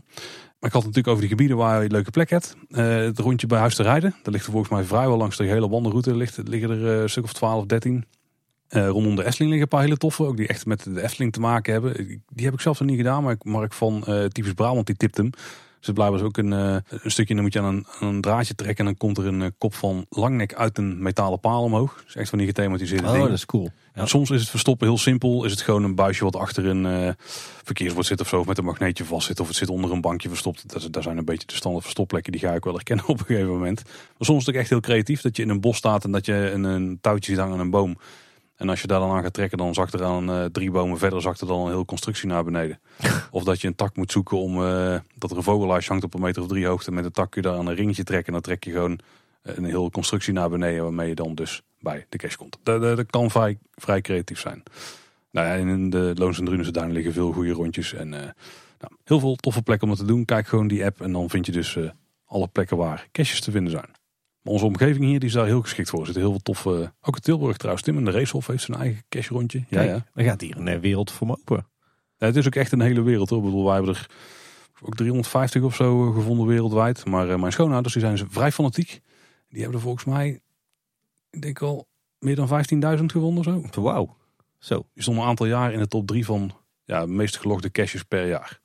Zo. Van het jaar, ja. Dus daar zit ook een hele fanwereld achter. Ja, zeker. Ja. Cool. Maar dan moet je wel half gepensioneerd zijn hoor, als je zoveel wil vinden als hun. En je vakanties erop plannen, wat ze gewoon doen. Maar in ieder geval een prima manier om je te vermaken. Een uh, andere prima manier om je te vermaken is uh, gaan zwemmen. Kan natuurlijk in de wereld van de Efteling, maar is alleen maar weggelegd voor de mensen die in Bosrijk zitten en in het Efteling Hotel. Maar er zijn natuurlijk een aantal andere zwembaden waar je gewoon terecht kunt. De dichtstbijzijnde bij de Efteling is denk ik het Olympiabad in Waalwijk. Tenminste de, enige, de, de eerste die de moeite is. Ja. Het was vroeger een, een vrij oud afgetrapt bad met vierkante bakken. Maar nu is het een, modern zwembad geworden op een andere locatie trouwens ook. Met een uh, vrij leuk recreatiebad en ook nog twee andere uh, baden die worden heel veel gebruikt voor zwemlessen. Maar hebben ze ook een bad met duikplanken. Een bad waar ze de bodem van omhoog kunnen zetten en een uh, best wel toffe glijbaan. Dan heb je in, in Dongen, ook eigenlijk redelijk dichtbij vanaf hier, heb je het zwembad De Venne. Denk redelijk vergelijkbaar met het Olympiabad, maar dan misschien net wat kleiner en net wat ouder. Maar ook een mooie combi tussen een, een, een ja, toch best wel mooi recreatief bad en, en een wedstrijdbad. Kan je ook, ook prima een, een aantal uurtjes zwemmen. En dan hebben we nog de twee grotere zwemparadijzen in de buurt. Waarbij de Stappen Goor in Tilburg er één is. En Sportium in Den Bosch de andere. Beide met een mooi assortiment aan glijbanen, verschillende baden, stroomversnellingen, dat soort zaken. En wat groter dan de rest. Ja, ja Sportium was vroeger echt zo'n subtropisch zwemparadijs, bijna Centerparks-achtig. Ja, qua thema was het heel tof. Ja, met zo'n vulkaan waar je met een soort bandenbaan erheen ging. Nee, inmiddels is dat, is dat eruit gesloopt en hebben ze het een beetje een ja, soort futuristisch uiterlijk gegeven. Nog steeds een heel, heel prettig bad. Daar zat vroeger ook een schaatsbaan bij, maar dat is inmiddels indoor golf geworden. Eh, terwijl in Tilburg bij Stappengoor heb je naast uh, het zwembad heb je ook een schaatshal liggen. Dus uh, daar kun je in het winterseizoen ook, ook rondjes schaatsen. En als ik hier in ons draaiboek te kijken, Tim, dan zie ik eigenlijk nog één puntje staan in dit lijstje. Staat hij op de goede plek? Ja, jij had het over dagattracties, Paul. Dan mag je deze uitleggen. Ja, een dagje naar Ikea, dat is natuurlijk ook een mooie ah. attractie. ja, omdat er horeca bij zit. Ja. en dat je lekker op de bank kunt hangen. Ja, precies. Nou ja, er zijn natuurlijk hele, hele volkstammen, inclusief mezelf, die, eh, die ook voor hun plezier naar de IKEA gaan. Ja, de meest dichtstbijzijnde IKEA is dan natuurlijk IKEA Breda. Ja. Daar kun je ook eh, gewoon een hele leuke dag hebben. Een hele dag zelfs? Ja, halve dag. Ja, een uurtje zelf van maken was ook al prima. En dat kan daar zeker. Ja. En, en zo vergeten we vast en zeker nog, uh, nog honderden andere leuke toeristische attracties uh, uh, in deze contraien. Ik denk als mijn vrouw Anne dit terugluistert, dat ze naar de speaker schreeuwt en dit nog en dat nog. Maar hopelijk vergeven jullie ons dat. we komen er graag in andere afleveringen op terug. En ook als jullie nog, nog specifiek vragen hebben over bepaalde toeristische attracties of dagattracties, dan, dan beantwoorden die graag. Maar dit was een eerste poging, toch? Ja, kijk, ik kan me voorstellen dat mensen ook een hoop dingen missen. Maar dan komt er dat we nog één puntje moeten doen van onze lijst. Precies, want we gaan nog een aantal steden langs hier in de buurt. Ja, en daar zitten natuurlijk een hoop dagattracties gewoon in verstopt al. Hè? Ja. Rondom de Efteling zitten drie grote steden. Allemaal op ja, een kwartiertje tot 25 minuten rijden. Uh, we zullen beginnen bij de dichtstbijzijnde van de drie grote. Dat is Tilburg. Nou, dat is jouw uh, hometown hè? Dat is mijn stad. Daar ben ik geboren en getogen. En dat is nog steeds uh, na Kaatsheuvel denk ik de plek waar ik het meest te vinden ben. Probeer het compact te houden in dit stukje. Oeh, dat is lastig. nou ja, aan Tilburg kleefde natuurlijk altijd een beetje... dat had natuurlijk een beetje een negatieve naam. Hè. Ze deden het ook wel zelf door de slogan moderne industriestad te hanteren. Maar goed, dat is gelukkig het verleden. Daar zijn ze vanaf. Tilburg was altijd ja, het lelijke jonge eentje in Brabant. Maar inmiddels toch tot, uh, tot wasdom gekomen en een, eh, mooie zwaan geworden. Om maar in, de, in diezelfde beeldspraak te blijven. maar als ik het een beetje landelijk trek. Ik heb bij Tilburg het gevoel dat ze een beetje richting Rotterdam aan het volgen zijn. Ja, ik, ik had, toevallig hadden wij het er vorige week over met, uh, met mensen met wie wij aan de praat raakten. Die zelf niet uit Brabant kwamen. En toen kwam ik tot de conclusie dat, dat, dat 10 of 15 jaar geleden. Dat als je zei Brabant, dat er dan eigenlijk twee mooie steden waren. Breda en Den Bosch. Dat waren de plekken waar, waar iedereen naartoe wilde. Uh, maar nu, ik denk als je nu gaat kijken, denk ik dat, het, dat, het, dat er veel meer te doen is uh, in Tilburg en Eindhoven. En dat Breda en Den Bosch een beetje, een beetje belegen zijn geworden. Breda, daar weet ik eerlijk gezegd gewoon niet goed genoeg uh, hoe, hoe, het daar zit. Maar Den Bosch heeft zelf ook wel stappen gemaakt hoor. Maar daar komen we daar. Ja, maar Tilburg is denk ik wel echt, samen met Eindhoven, wel echt hip en happening op dit moment. Daar gebeuren heel veel mooie dingen. Dat klopt. Den Bosch en Breda zijn nooit hip geweest. nee. Ja, eh, de Tilburg, wat is er in Tilburg te doen? Heel veel. Uh, je, hebt natuurlijk gewoon het, het, winkelgebied zelf uh, rond de Heuvelstraat en Pieter Vredeplein. Dat is allemaal niet zo spannend. in de Heuvelstraat heb je wel wat mooie pandjes staan, maar dan moet je echt naar boven gaan kijken. Maar wat veel mooier is, is het, het dwaalgebied. Um, eigenlijk aan de, aan de noordkant van het centrum ligt hij tussen het, het station en het centrum in. Ja, en dat is echt een, een, een heel oud gebiedje. Met, met superleuke, schattige winkeltjes. Met, eh, met hele mooie oude gebouwtjes. Ook nog wat, wat Jugendstil her en der verstopt. En ook hele toffe, toffe horecagelegenheden. Uh, de Spaarbank is bijvoorbeeld echt een, een prachtige plek waar je heerlijk kunt eten. En lekker op het terras kunt zitten. Ook echt in een oud bankgebouw in, in Jugendstil. Dus echt wel, wel tof. Buurtvrij is ook, is ook leuk, is ook nieuw. Kun je heel lekker vegan eten. De burgerij is er zo eentje. Prinsen heerlijk. Ja, het, is, het, is, een beetje de, de negen straatjes die in Amsterdam hebt. Maar dan de Tilburgse variant. Dus echt gewoon een heel charmant, schattig alternatief uh, ligt trouwens ook een hele toffe arthouse bioscoop. Uh, de Cinecitta. Is echt een heel tof gebied. Bestaat uit een aantal straten nou, tussen, tussen het station en het, en het centrum van Tilburg. Dus zeker een aanrader. Aan de noordkant van het station ligt ook een, een heel mooi gebied. Dat luistert tegenwoordig naar de naam de Spoorzone. En dat was heel lang de grote werkplaats van de NS. De Natelier, zoals wij dat in Tilburg noemden. nou, de NS is daar vertrokken. En uh, het gebied is, wordt op dit moment helemaal herontwikkeld. Die ontwikkeling is nog niet klaar. Maar het, het, hele gebied, inclusief een heleboel werkplaatsen, ja, wordt langzaam maar zeker omgebouwd tot een heel bruisend stadsdeel. Zo heb je bijvoorbeeld de Lokhal, waar vroeger de locomotieven werden opgeknapt van de NS. daar zit nu de bibliotheek in. ook bekroond met allerlei architectuurprijzen. Prachtig gebouw. Maar je vindt ook heel veel toffe, toffe horeca in het gebied. Zo heb je een polygonale loods, zoals het dan zo mooi heet. Met een echt nog zo'n draaischijf waar de loks op werden gewisseld. Daar zit nu een soort foodmarkt in. Dus daar heb je allerlei verschillende standjes waar je eten kunt halen. En die kun je dan, eh, dan daar opeten. Maar eh, de Houtloods is ook echt een ontzettend goed restaurant. Heel exclusief. En je hebt ook nog de wagon waar je lekker kunt, uh, kunt eten. Heel tof gebied om doorheen te dwalen. Juist vanwege al die reliquieën uit de tijd dat daar de werkplaats van de NS zat. Heel stoer, heel ruig, heel industrieel. Ja, heel tof dat dat behouden is gebleven voor de stad. Nou, daarnaast ligt het spoorpark, het vroegere Van Genteloos-terrein. Uh, is helemaal gesaneerd. En daar is eigenlijk op initiatief van een heleboel inwoners van Tilburg... is er een enorm park neergelegd. Met een enorme grasweide, maar ook een hele toffe waterspeeltuin. Allerlei sportvelden, plekjes waar je met je, met je, je skates en je skateboard kan, terecht kan. Um, de Kempentoren, een hele mooie uitkijktoren met fantastisch uitzicht over Tilburg. Staat lekker centraal in de stad, dus uh, daar kun je ook prachtige plaatjes schieten. En uh, het Theehuis, wat ook daadwerkelijk een, eh, een heel tof restaurant is. Dus absoluut ook een hele leuke plek om een halve dag te vertoeven. En dan zijn er ook nog allerlei leuke attracties in Tilburg. zo heb je de Oliemeulen, een reptielenhuis en klein dierenparkje. heel tof om een paar uurtjes in rond te brengen. Uh, het Natuurmuseum Brabant tegenover het station. Een heel mooi, compact natuurhistorisch museum. Heel leuk voor kinderen ook. verder heb je nog heel wat meer musea in de stad. Zo heb je de Pont Museum in een oude textielfabriek met moderne kunst. En je hebt natuurlijk ook nog het Textielmuseum waar je alles leert over het verleden van Tilburg. En dan met name de textielindustrie. En sinds kort heb je ook in Tilburg in het centrum Dolores. En dat is, het is geen escape room, het is een metamees noemen ze het. Ja, nog steeds iets waar wij moeten gaan ervaren. Daar hebben we nog een date voor staan, maar die kan steeds niet doorgaan. Nee, iets met corona en zo. Maar dat is een beetje ja, een soort van psychedelische walkthrough, hè? Dat is wat ik ervan begrijp. Ja, met de horeca boven in, dezelfde, in hetzelfde gebouw. Ja, een rooftopbar. Dan heb je ook nog een paar goede bioscopen in Tilburg. De Pathé in uh, Hartje Tilburg. En ik wou zeggen de, de, de Kinepolis in, uh, op Stappengoor. Maar dat is inmiddels ook uh, Pathé. Alhoewel, als je echt een goede film in een bijzondere plek wil, wil kijken, ga dan naar de Cinecitta in het, het Waalgebied. Dan is er ook nog best wel veel mooie natuur rond Tilburg. Zo heb je een heel gebied dat luistert tegenwoordig naar de naam Stadsbos 013. Dat klinkt natuurlijk lekker hip. Maar is eigenlijk een aaneenschakeling van allerlei natuurgebiedjes en uh, bossen. Zoals het, uh, het Wandelbos. Een uh, prachtig bos uit ja, rond 1900. Wat speciaal is aangelegd voor de inwoners van de stad. Met hele oude bomen en mooie waterpartijen en een mooie speeltuin. en net iets buiten de stad, daar vlakbij ligt de Oude Waranda. Een echt sterrenbos. Dus met hele mooie lanen die in geometrische vormen zijn aangelegd. Ook een hele toffe plek. En helemaal aan de andere kant van Tilburg, aan de oostkant, ligt Moerenburg. En dat is een oude uh, waterzuivering die daar uh, weg is gehaald. En daar kan je nu in een heel ruig natuurgebied lopen met nog wat, uh, wat overblijfselen van die waterzuivering. En sinds kort ook nog een hele vette uitkijktoren, de Hertgang. Ja, en last but not least, dat is natuurlijk een tijdelijke bezienswaardigheid in Tilburg. Maar ben je in de zomer in deze regio, ja, dan moet je natuurlijk ook de Tilburgse kermis meemaken. Hè? De Uiteraard, ja. grootste kermis van, Europa of van de Benelux? Nou ja, in ieder geval een enorm toffe kermis.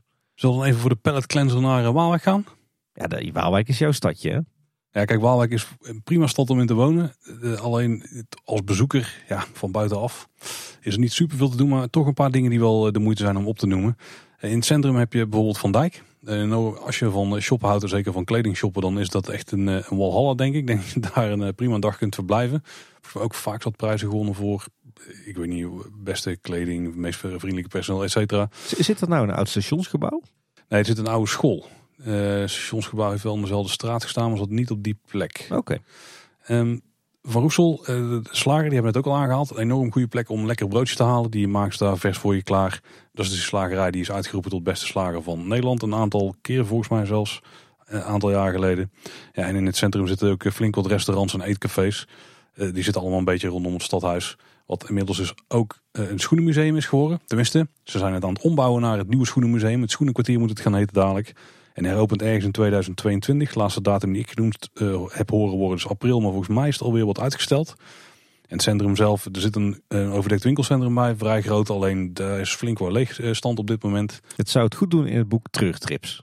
Zeker. En zeker in de coronaperiode, want dan loop je daar doorheen en dan is er echt, eh, zijn er drie plukjes open van de enige afval horeca mogelijkheden die er zijn. En dan is het echt, ja, eh, zeer eh, treurig. Er zit trouwens wel een goede Italiaanse ijssalon in uh, Waalwijk. Ja, vroeger La Vittoria, maar tegenwoordig heet het La Bella Vita. La Bella Vita. Zit ook weer aan het uh, Stadhuisplein trouwens. Waalwijk heeft ook, ook een theater, Theater de Leest. Nog best een prima theater, niet heel groot. Maar ja, vrijwel alle grote namen die komen daar ieder jaar langs. Die hebben een, een goede programmering. Ja, en die hebben ook een, en dat is ook een, een zeer gewilde plek voor de Efteling om hun theatershows altijd ja. te try-outen. Dus ja. dan kun je dan vaak goedkoop naar, uh, en heel vroeg al naar die Efteling shows toe. En ze hebben vaak ook uh, leuke programmering voor kinderen een aantal keer per jaar. En ze hebben een, ik denk een jaar of 10, 15 geleden ook een kleinere zaal bijgebouwd. Het gebouw zelf sowieso niet heel oud, volgens mij 20 jaar of zo. En daardoor hebben ze, kunnen ze best diverse programmering doen. En die tweede zaal kunnen ze ook helemaal schoonvegen zodat het één grote opvloer wordt. Beetje vergelijkbaar Tim met het theater in het klavier. Ja, de grote zaal heeft gewoon de vaste stoelen. Met een balkon ook zelfs. Uh, daar heb ik nog een paar keer een zeer legendarisch film gekeken. Maar dat is voor een andere podcast.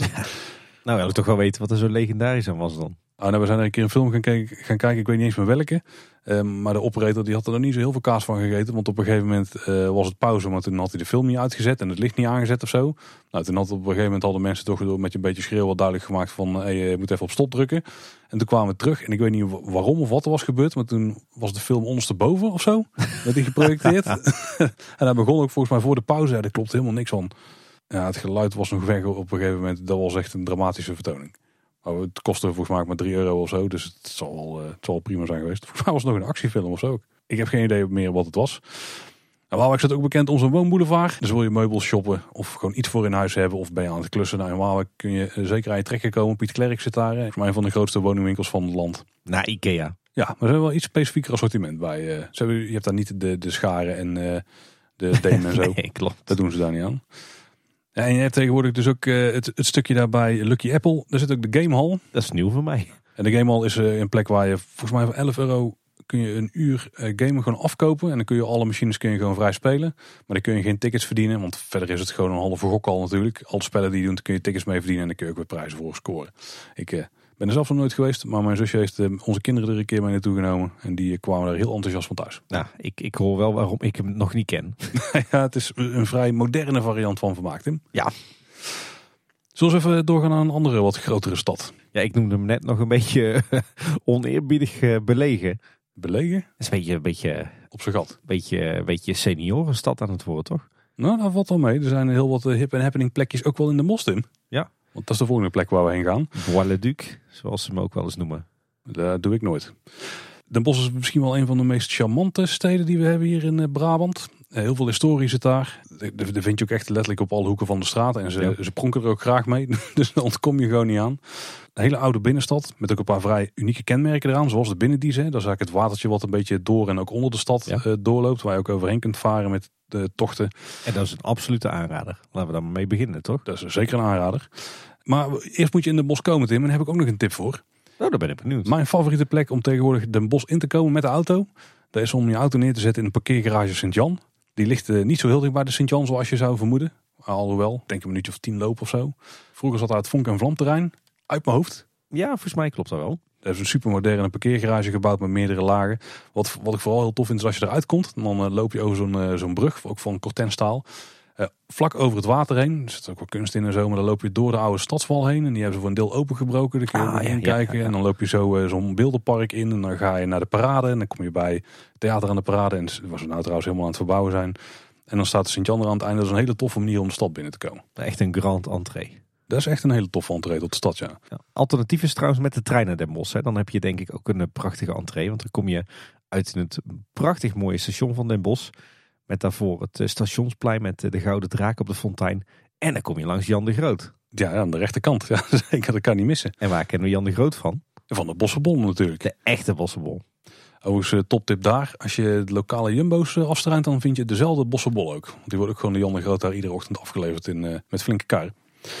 Ja, Den Bosch zelf, wat is er nou te doen? Nou, je kunt uiteraard de stadswandeling doen. En dan kom je ja. langs alle highlights uh, van de stad. Vooral alle historische highlights. Ga, ga terug tot de middeleeuwen, hè? Twee van de oudste steden van uh, Noord-Brabant. Van Nederland zelfs, denk ik. De markt is een hele mooie plek. Er zitten heel veel horeca. En de, de, de gebouwen daar die zijn ook nog vrij oud in de meeste gevallen. Soms storten ze in, maar dan uh, zetten ze er nou, op dit moment nog niks voor terug trouwens. Nee. er staat er ook een, een, een put hè. En die is wel aan wat, wat kritiek onderhevig. Want die is recent gebouwd. Maar dan alsof die oud is. En dat wordt ook een beetje met de Efteling vergeleken. Maar dat is natuurlijk allemaal het historische stuk van Den Bosch. Tenminste, het station is ook vrij modern. Maar jij bedoelde vooral de oude perrons, denk ik. Ja. Die zijn heel chic. Met die, uh, oude perronkappen inderdaad. Ja, die zijn heel tof, ja. Maar Den Bosch is ook vrij, uh, vrij hip. En dan heb je een, eigenlijk een aantal delen van de, de stad die daar wel onder vallen, denk ik. Het Paleiskwartier is een heel nieuw deel van, van de stad. Tenminste, daar lag vroeger het Stedelijk Museum. Er stond alle industrie, is allemaal gesloopt. Uh, er is een grote plas neergelegd met daaronder een uh, parkeergarage en heel veel moderne um, gebouwen eromheen. Daar zijn die gebouwen misschien niet zo interessant, maar daar, bijvoorbeeld bij het Oudstedelijk Museum hebben ze een hele uh, strip met allerlei hippe biertentjes en restaurantjes en zo gemaakt. Het is trouwens ook een hele grote jumbo, mocht je daar iets willen scoren en dan aan de plas gaan zitten eten. En je kunt vanaf het Pluiskwartier kun je naar het centrum toe lopen via een brug. Um, ook opgetrokken uit kortenstaal, tenminste aan de buitenkant. Dus van dat verroeste metaal. Vergelijkbaar met een stukje New York misschien wel. Ja, inderdaad, met de High Line. Hè. Het is eigenlijk een soort een, een enorme brug met in die brug uh, allerlei groen. Eigenlijk een soort uh, ja, zwevend park zou je kunnen zeggen. Ja, en die gaat over het spoor heen en dan kom je gewoon meer in het centrumdeel van de stad uit. Wel een beetje aan de rand daarvan, maar dan ben je vrij snel gewoon weer bij de markt. Een paar andere van die hippe plekken zijn de Verkadefabriek. Nou, wat zou dat zijn geweest? Dat is de oude fabriek van Verkade natuurlijk. er staan blijkbaar nog uh, vrij veel machines en zo daarvan. Die heb ik niet gezien toen ik daar was. Daar hebben ze gewoon de fabriek omgebouwd tot ja, eigenlijk een theater, een bioscoop, een restaurant. En je kunt er ook gewoon buiten wat drinken. Ja, ben daar vaak geweest. Je, dus ze organiseren daar ook weer heel veel toffe dingen. En je hebt ook de tramkade. Dat is een iets recentere ontwikkeling. Er staan een aantal grote silo's, die zijn uh, geschilderd. Die foto's ken je misschien wel uit een bos, maar er zit ook een hoop horeca. Begint zich daar een beetje rondomheen te vormen. Dat is echt van, uh, we hebben hier een oude hal en we zetten er een bar in en een paar stoelen en tafels. En dan is het horeca, zeg maar, echt, echt opperhip. En dan kun je ook heel tof in de zomer barbecue en zo aan het water. Maar je hebt er ook weer een bootje kunt huren om uh, door de midden door kanalen heen te varen. Want de binnendiezen moet je wel echt op een andere plek doen. En je hebt natuurlijk ook een paar mooie musea nog in, in Den Bosch. Hè? Zoals het Noord-Brabants Museum. Natuurlijk het ja, eigenlijk het historische museum van Brabant. Met heel veel mooie schilderkunst, maar ook uh, heel veel wisselende tentoonstellingen die vaak de wat recentere geschiedenis van Brabant belichten. Ja. En natuurlijk ook, jij had het er net al over, Paul, het Stedelijk Museum Bos met met name veel moderne abstracte kunst. En een aantal jaar geleden verhuisd naar een ander pand inderdaad. Ja, we halen het net al heel even aan. Je hebt natuurlijk ook nog de Sint-Jan, de grote kerk van Den Bosch. Uh, vinden ook vrij vaak tours uh, in plaats. Volgens mij heb je ook recent wat nieuwe tours dat je door langs het dak kunt lopen en zo. Ja, klopt. Want ze zijn de Sint-Jan eigenlijk gewoon altijd aan het restaureren. Dat is volgens mij gewoon een doorlopend project. En je kan inderdaad af en toe een kijkje nemen bij die restauratiewerkzaamheden. Je zei kerk, maar volgens mij is het echt een kathedraal, toch? Ja, klopt. Sorry. Ja, ja, ja, ja. Oh, Tim. Je zit er helemaal in de religie. nou, niet in de religie, maar... In de religieuze architectuur. Ja, je hebt ook nog best wel wat, wat mooie natuur rond het bos. Zo heb je de Bossenbroek. Uh, zoals de naam zegt, ik, maar weer een gevaarlijke uitspraak bij jou, Paul. Maar zoals de naam zegt, is dat uh, eigenlijk een beetje het, het moerasgebied rond, uh, rond Den Bosch. Wat ook daadwerkelijk onder water komt te staan als het water in de grote rivieren te hoog komt te staan. Maar het is een, een heel mooi gebied om te wandelen met, met veel bijzondere natuur. En ietsje verderop heb je het gebied de Moerputten. Nou, ook die naam zegt natuurlijk weer dat het een heel nat gebied is. Ook weer een paar mooie wandelroutes. Uh, ook met, uh, met plankiers echt door het, uh, door het moeras. Heel tof. En een heel bijzonder element in de Moerputten is toch wel de Moerputtenbrug. Ja. ook een hele toffe plek om foto's te maken en van de natuur te genieten. En je kunt ook over de vlonders lopen. Dat je eigenlijk aan de, de voet van die brug staat en omhoog kijkt over het water heen. Met die brug erbij. Dat is echt heel tof ja. gedaan. Ja. ja, en die brug is ook wel een apart verhaal. Hè? Want die ligt daar, dat is een oude spoorbrug. Vroeger had je de halve zolenlijn. Die liep van, van Den Bosch naar Lage Zwaluwen was met name een industriespoorlijntje. Is inmiddels al lang niet meer in gebruik. En het meeste van die spoorlijn is verdwenen. Maar op een aantal plekken hier in de omgeving, bijvoorbeeld rond, rond Waalwijk, maar ook hier in, in de Moerputten, daar liggen nog wat overblijfselen. En dat zijn dan vaak de spoorbruggen. En in, in dit geval is het eigenlijk is hij in goede staat. een aantal gemetselde pilasters inderdaad door het moerasgebied. Met daarbovenop een, een gietijzerbrug die, die heel mooi, wat is het, lichtgeel is geschilderd hè. Een hele bizarre gewaarwording, dat ding zo midden in zo'n moerasgebied. Ja, je loopt echt door een stuk natuur en in één keer ligt er zo'n dikke brug. Ja. ja. Dat is wel uh, bijzonder. Vet. Ja. En Paul, weet je waarom dat het de halve zolenlijn heet? Ja, omdat het ooit getracht was om eh, een complete spoorlijn met dubbel sporen uitgevoerd neer te leggen. Maar dat was niet helemaal gelukt, want er was niet genoeg animo voor toen ze bezig waren met het project. Dus toen is het maar een halve geworden, een half lijn. Dus dat heeft niks met halve zolen te maken. Als je in de schoenenindustrie zit en een halve zool oplevert, dan, dan schiet het niet op. Nee. Ja, en dan hebben we het natuurlijk in Den Bosch ook nog de Brabanthallen. Waar toch best vaak eh, grote concerten en evenementen, danceparties worden georganiseerd. Prikstraten, ja ook. Ja. Alle markten thuis daar. Ja, ook van, eh, ook van Libema. Hè. Overigens, het Sportion was vroeger ook van Libema. Maar die hebben ze volgens mij eh, verkocht aan sportfondsen. Kijk, misschien nog even een, een kleine locatie tussendoor. De vesting van Heusden. Oh, dat is ook een hele toffe plek om nou, op zijn minst een halve dag jezelf te vermaken, maar misschien wel langer. Schitterend. Een oude vestingstad, ook met die klassieke stervormen als je van bovenaf kijkt. Ook met een goede parkeerplaats, namelijk net buiten de, de stadsmuur eigenlijk. En dan loop je in een minuutje of ja, vijf tot tien loop je zo eh, de vesting binnen. Er zit een plein met een hoop horeca aan. En vanaf daar loop je ook zo eh, de haven in. En dan kun je een mooie boten kijken die langs varen. Of je gaat zelf met een rondvaartboot mee. Ja, een heel sfeervol stadje met echt die, die kinderkopjes nog overal. En eh, heel auto-onvriendelijk. Ja, het, het voelt echt als een echt authentiek vestingstadje. Wat eh, niet helemaal waar is. Want, want Heus de vesting, eh, daar was na de Tweede Wereldoorlog helemaal niks meer van over. Kwam niet alleen door die oorlog, maar daarvoor was het eigenlijk al als een beetje half ingestort. Maar ze hebben dat na de Tweede Wereldoorlog hebben ze dat helemaal herbouwd in een oude stijl. Dus ja, het is eigenlijk een soort museumvesting eigenlijk. Ja, maar ja, er zijn een paar moderne straten maar, maar er zijn er echt heel weinig. Als jij eh, een beetje echt in het centrum van de vesting blijft en je loopt eh, daar in een cirkel zo steeds verder naar buiten. Of je loopt gewoon langs de buitenrand hè, over die wal heen. Ja, dan krijg je een hele, eh, toch wel een soort tijdreis die je aan het ondernemen bent. Het is eigenlijk een soort bewoond openluchtmuseum zou je kunnen zeggen. Ja, bijna wel ja. Maar wel een hele toffe plek. En de aanrader daar is toch wel de pannenkoekenbakker hè? Ja, zeker. Ja, dat is de pannenkoekenbakker. Die is natuurlijk op meerdere plekken. Ook in Tilburg trouwens eentje. Ja, helemaal verstopt. En dat is misschien ook meteen een linkje naar een vrij vergelijkbare plaats. Woudrichem. Hoe noem jij dat? Woudrichem. Dat is toch Woerkum? Nee, Woudrichem. Nee, Woerkum. Ik eh, kijk gewoon op Google Maps, Tim. Heet hij gewoon Woudrichem. Oké. En, eh, dat is ook een, een oude vestingstad. En die heeft ook een pannenkoekenbakker. Die zit daar op een boot. Dat is ook een hele toffe plaats met een oude kern. Maar er ligt ook een hele ouderwetse werf bij. Waar ze soms gewoon met van die hele oude boten bezig zijn om die te restaureren of misschien te maken. Ik weet niet precies wat ze doen. Maar ik vind het altijd machtig interessant om naar te gaan kijken. En nogmaals, ook daar kun je pannenkoek eten. Ligt net iets verder weg dan Heusden van de Efteling. Maar ook een, eh, maar meer dan 5 tot 10 minuten extra rijden is het niet. Hele toffe plek om een keer langs te gaan. Dan heb ik nog alleen de grote stad over hè. Ja, dan hebben we natuurlijk nog Breda. Daar hadden we het net ook al eventjes over. Denk redelijk in lijn met Den Bosch. Een hele historische stad. Ik ken hem wel minder goed dan Den Bosch en Tilburg. Ja, ik kwam er, ik kwam er een jaar of eh, de 10, 15 geleden best wel vaak. Eh, ja, Breda, eh, natuurlijk bekend van de grote markt met daaraan eh, heel veel, heel veel horeca. Natuurlijk eh, de grote kerk van Breda. Eh, ook een heel mooi gebouw. Ja, en verder eh, eh, heel veel winkels. En eh, daarnaast een eh, favoriete plek voor mij, eh, het Chassé Theater. Ja, ja, zeker. Echt een prachtig theater waar, met een ontzettend goede programmering. Dus daar veel geweest. Casino ernaast ook, Tim, of eh, daar blijf jij weg? Eh, Daar ligt inderdaad een casino naast. eh, maar ik heb echt een broertje dood aan casino's. Dus daar zul je mij niet snel vinden. Ik vind pokeren wel leuk, maar een casino geef ik ook niet zoveel aan. Ik vind allemaal niks. En je hebt ook nog het chasséveld natuurlijk waar ook geregeld kermissen en eh danceparties en concerten worden georganiseerd.